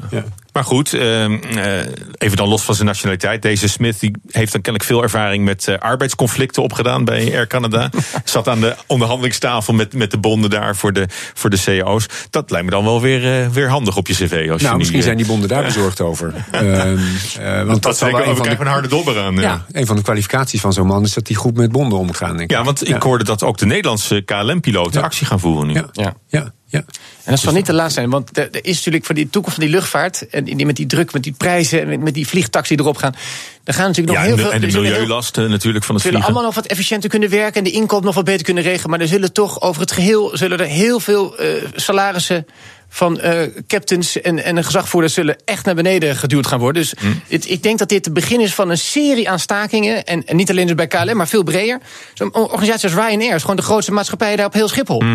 En dat gaat maar door. Dus en als je dat wil bijblijven, en dan gaat het nog niet eens over scherpe concurrentie aangaan, dan zul je linksom of rechtsom zul je aan die salarissen van die piloten moeten gaan komen. Maar traditionele airlines zijn dan misschien toch wel ten dode opgeschreven met, met, met het businessmodel wat ze, wat ze nu nog hanteren. Ja, want, ik- want- ik- ik dat vind is dat we- wezenlijk niet veranderd in de Ik vind afgelopen dat we die 30 airlines echt eens een keer... en die hele airline-industrie eens even goed tegen het licht moeten houden. Ik bedoel... De, de, Maar de- wie de gaat dat doen? Nou, Het- het- de, het de journalistiek bijvoorbeeld. Maar de, de topman KLM, die, die, die, die, ze hebben vijf vluchten per dag naar Brussel. Jongens, doe even normaal. We hebben voor, voor 8 miljard een, een eh, Ja, maar met de trein is het waarschijnlijk duurder. Ja, dat is duurder. Nou, maar goed, dat komt doordat die kerosine... En, en, en wat mij opvalt is dat de nieuwe topman van, eh, ja. van Schiphol is een oud Shell-man. Eh, dus er zitten Ja. daar bedrijfsmodellen achter... Die, die, die, die, die denk ik niet die schadelijk zijn voor onze... Hè, die hele Lelystad-discussie, die is oneigenlijk. Daar gebeuren rare dingen. Ja. Nou ja, ik ben- goed, ik ben en, wereldwijd met al die landingsrechten. Er is altijd, Overal is, is staatsbemoeienis ligt altijd eh, op Ja. de loer. Ja. Dus het is echt een hele rare industrie. Het is een hele rare industrie met enorme voordelen. Ik bedoel, gewoon tax-free kerosine. Dat is nogal een voordeel, jongens. Mhm. Eh, Ook ten opzichte van alternatieven. Nou, misschien een puntje voor de ministerraad, want die is ook weer begonnen. Ja, die is weer begonnen. In Politiek Den Haag is eh, de zomer ook eh, ten einde eh, gelopen. Eh, ze zijn bij overleg. eh, ze zijn natuurlijk wel lang weg geweest ook, hè, zo- zo'n reces. Ja, hoe lang precies? Ja, nou, hoe lang precies weet ik niet, maar het is, eh, het, eindeloos lijkt het wel. Maar eh, wat, eh, waar moeten ze meteen over hebben wat, wat jullie betreft? Wat, wat, is er, wat is recht blijven liggen of opgekomen in de zomer? Dat, Nou, ik vond toch wel het nieuws wordt het net hier bij jullie. Dat toch eh, de, de vicepremier, de jonge CDA, heeft laten weten dat eh, het vervelend is met de uitspraken van de heer Blok, maar dat hij gewoon kan blijven zitten. Vind jij dat dan niet? Nou, ik vind dat om dat nu al uh, zo te stellen uh, namens het kabinet. We weten daarmee ook wel de uitkomst van het debat. Ik bedoel, dat, dat, dat, dat, is natuurlijk niet zomaar. Dat is met alle Ja. fracties en de partijen die daar in, in, in de regering zitten besproken. Uh, dus nu wordt het voor de oppositie alleen nog maar zaak om de beschadiging en de geloofwaardigheid en het gezag van de minister zo, uh, Ja, maar ja, het, zo hard het, mogelijk zal nu, pakken. het zal nu geen consequenties hebben. Nee, heeft het niet meer, nee. nee. Omdat de jongen dat gezegd heeft. Dat, is vrij Ja. vertaald de uitkomst van dat alle coalities daar Ja. met elkaar over gesproken hebben. En de- daar, daar is hij nu de uitkomst van. Dus de- daarmee is, is vandaag be- besloten dat hij gewoon blijft zitten. De enige uitkomst zou zijn dat Blok zo moet gaan stuntelen in dat debat. dat hij dan in het debat Ja, hij was zichzelf- heel zenuwachtig, hoorde ik van eh, Jeroen Stans. eh, over, over deze hele kwestie. En, en dan, terwijl de hele zomer er al overheen is, Ja, is, nou, is geweest. wat, gehad, wat, hè? wat dat betreft, voor mij waren ze net, net klaar en net weg klaar. toen, toen hij die uitspraken dat was deed. natuurlijk gelukkig voor ze, anders... eh, Het is een beetje blijven smeulen, maar ze, ze wilden de, de Kamer terugroepen, geloof ik, eh, van vakantie. Daar is even sprake van geweest. Ik moet wel zeggen, wat ik wel ook pijnlijk vind. Misschien is hadden ze dat er wel moeten doen. Als ze echt er werk van hadden moeten maken, hadden ze dat... ja, maar dat eh, heeft, eh, dat, heeft, dat heeft de meerderheid van de Kamer kennelijk niet gesteund. Nee, Terug nee, dat blijf ik nog wel tactisch interessant vinden... of dat nou juist een goede of een slecht beslissing was. Dat, dat, dat moet ik maar eens even zien hoe dat nog gaat lopen. Ik moet overigens wel zeggen dat je dan dus zo uit de bocht vliegt... eh, niet, niet in een paar zinnen, maar gewoon alinea's lang. Het is, het is ook niet in een café. Of een- er waren nog zelfs mensen die zeiden... ja, het is in een besloten setting. Potjan Door, je staat daar voor de top van Ja, zijn ambtenaren... met een camera op zijn neus. Donder op met, je, met je besloten setting. En, maar het bizarre is dat hij dan toch nog weer dat cliché-paadje... Het is niet, echt, niet om aan te horen ervan... dat hij dan eerst betreurt de, de, de reuring die het veroorzaakt. Ja, weet je wat je moet betreuren? Die achterlijke woorden van je. Die Ja. debiele denkbeelden waarvan je weet... Hou op met, met Nou, dat je... En we moeten dus betreuren dat we daar opnieuw een minister van Buitenlandse Zaken hebben. dus geen piepeltje. Die zo, zulke domme dingen doet. We hebben dus de- de- met name op dat dossier toch niet de allerbeste mensen. Maar, maar, het, afgelopen- het is, maar is het veel meer dan domheid? Het is nog niet een uitspraak die je in die zin heel erg serieus eh, kan nemen. Ja, natuurlijk wel. Minister van, iedere uitspraak van de minister van Buitenlandse Zaken neem je serieus. En als je, als je zo omgaat met, die, met de twee andere landen waar hij die dingen over heeft gezegd. En heel wezenlijk. Suriname als failed state. hè, Als dat state. En, eh, oh, oh, en op het moment dat je als, als bewindspersoon niet gelooft dat mensen met, met verschillende achtergronden samen kunnen, dat, kunnen dat, leven. dat is veel essentiëler. Als je dat niet gelooft, dan moet, je op, dan moet je gewoon daar niet zitten. Moet je wat anders Dat, doen. dat, dat vind ik. Kijk, serieus over Suriname. Ik bedoel, vind het weinig chic. En, Nee, eh, dat, nee. maar, maar, maar, dat is. Hij zegt gewoon met allerlei voorbeelden. geeft hij aan dat eigenlijk mensen gewoon altijd gelijksoortige, Ja, en- uitziende en- en- mensen bij elkaar zoeken. Ja. Dan maak je een dorpje mee en dat vind je dan fijn. En alles wat van buiten komt is een beetje ingewikkeld. En daar moeten we ook niet eh, eh, flauw over doen dat zal altijd zo blijven. Hij, hij verklaart de multiculturele samenleving failliet ja, eigenlijk. En, dat- en, dat en mag je niet doen als, eh, als minister van Buitenlandse Nee, je kan Zaken. best zeggen dat hij af en toe problematisch is en dat hij ingewikkeld is. En dat het langer duurt dan we verwa- verwacht en gehoopt hadden. Maar er zijn wel zoveel plekken waar je kan laten zien. Waar, waar we hier staan in Amsterdam. Ik woon hier na twintig jaar. Ik ga met een niet vertellen dat ik hier in een soort failed state woon. Van de mislukte integratie. Eens normaal zeg. En bovendien is hij minister van alle Nederlanders. Ja. Hij is dus niet, hij is niet partijpoliticus in dit geval, hij is minister. En wat, ons als je dan met. Maar, goed, maar, maar, maar dit, dit is dan zo'n prakje wat weer wordt opgewarmd na, na wat is Nee, het, het is heel wezenlijk. Ze hebben mazzel het is- gehad. die Ja, vinden jij wel denkt dat maar- En, en weet je wat is? Het getuigt, het, het- kijk, je kan zeggen, God, eh, wij spreken in een interview, dan heb je één uitspraakje die misschien ah, uit de context. Dit is gewoon op zichzelf. Een man krijgt een set papieren mee van de topambtenarij om een speech te houden. Kijkt die zaal eens rond, denkt in een hij bui van overmoedigheid. Schuift hij die speech aan de kant en laat eens even lekker zijn hart spreken. Het blijft een eh, wespennest, flauw bruggetje. Ja, ja, ja. Ik laat even het geluid horen van, eh, van, een, van een wespennest. Eh, iemand vond een wespennest in het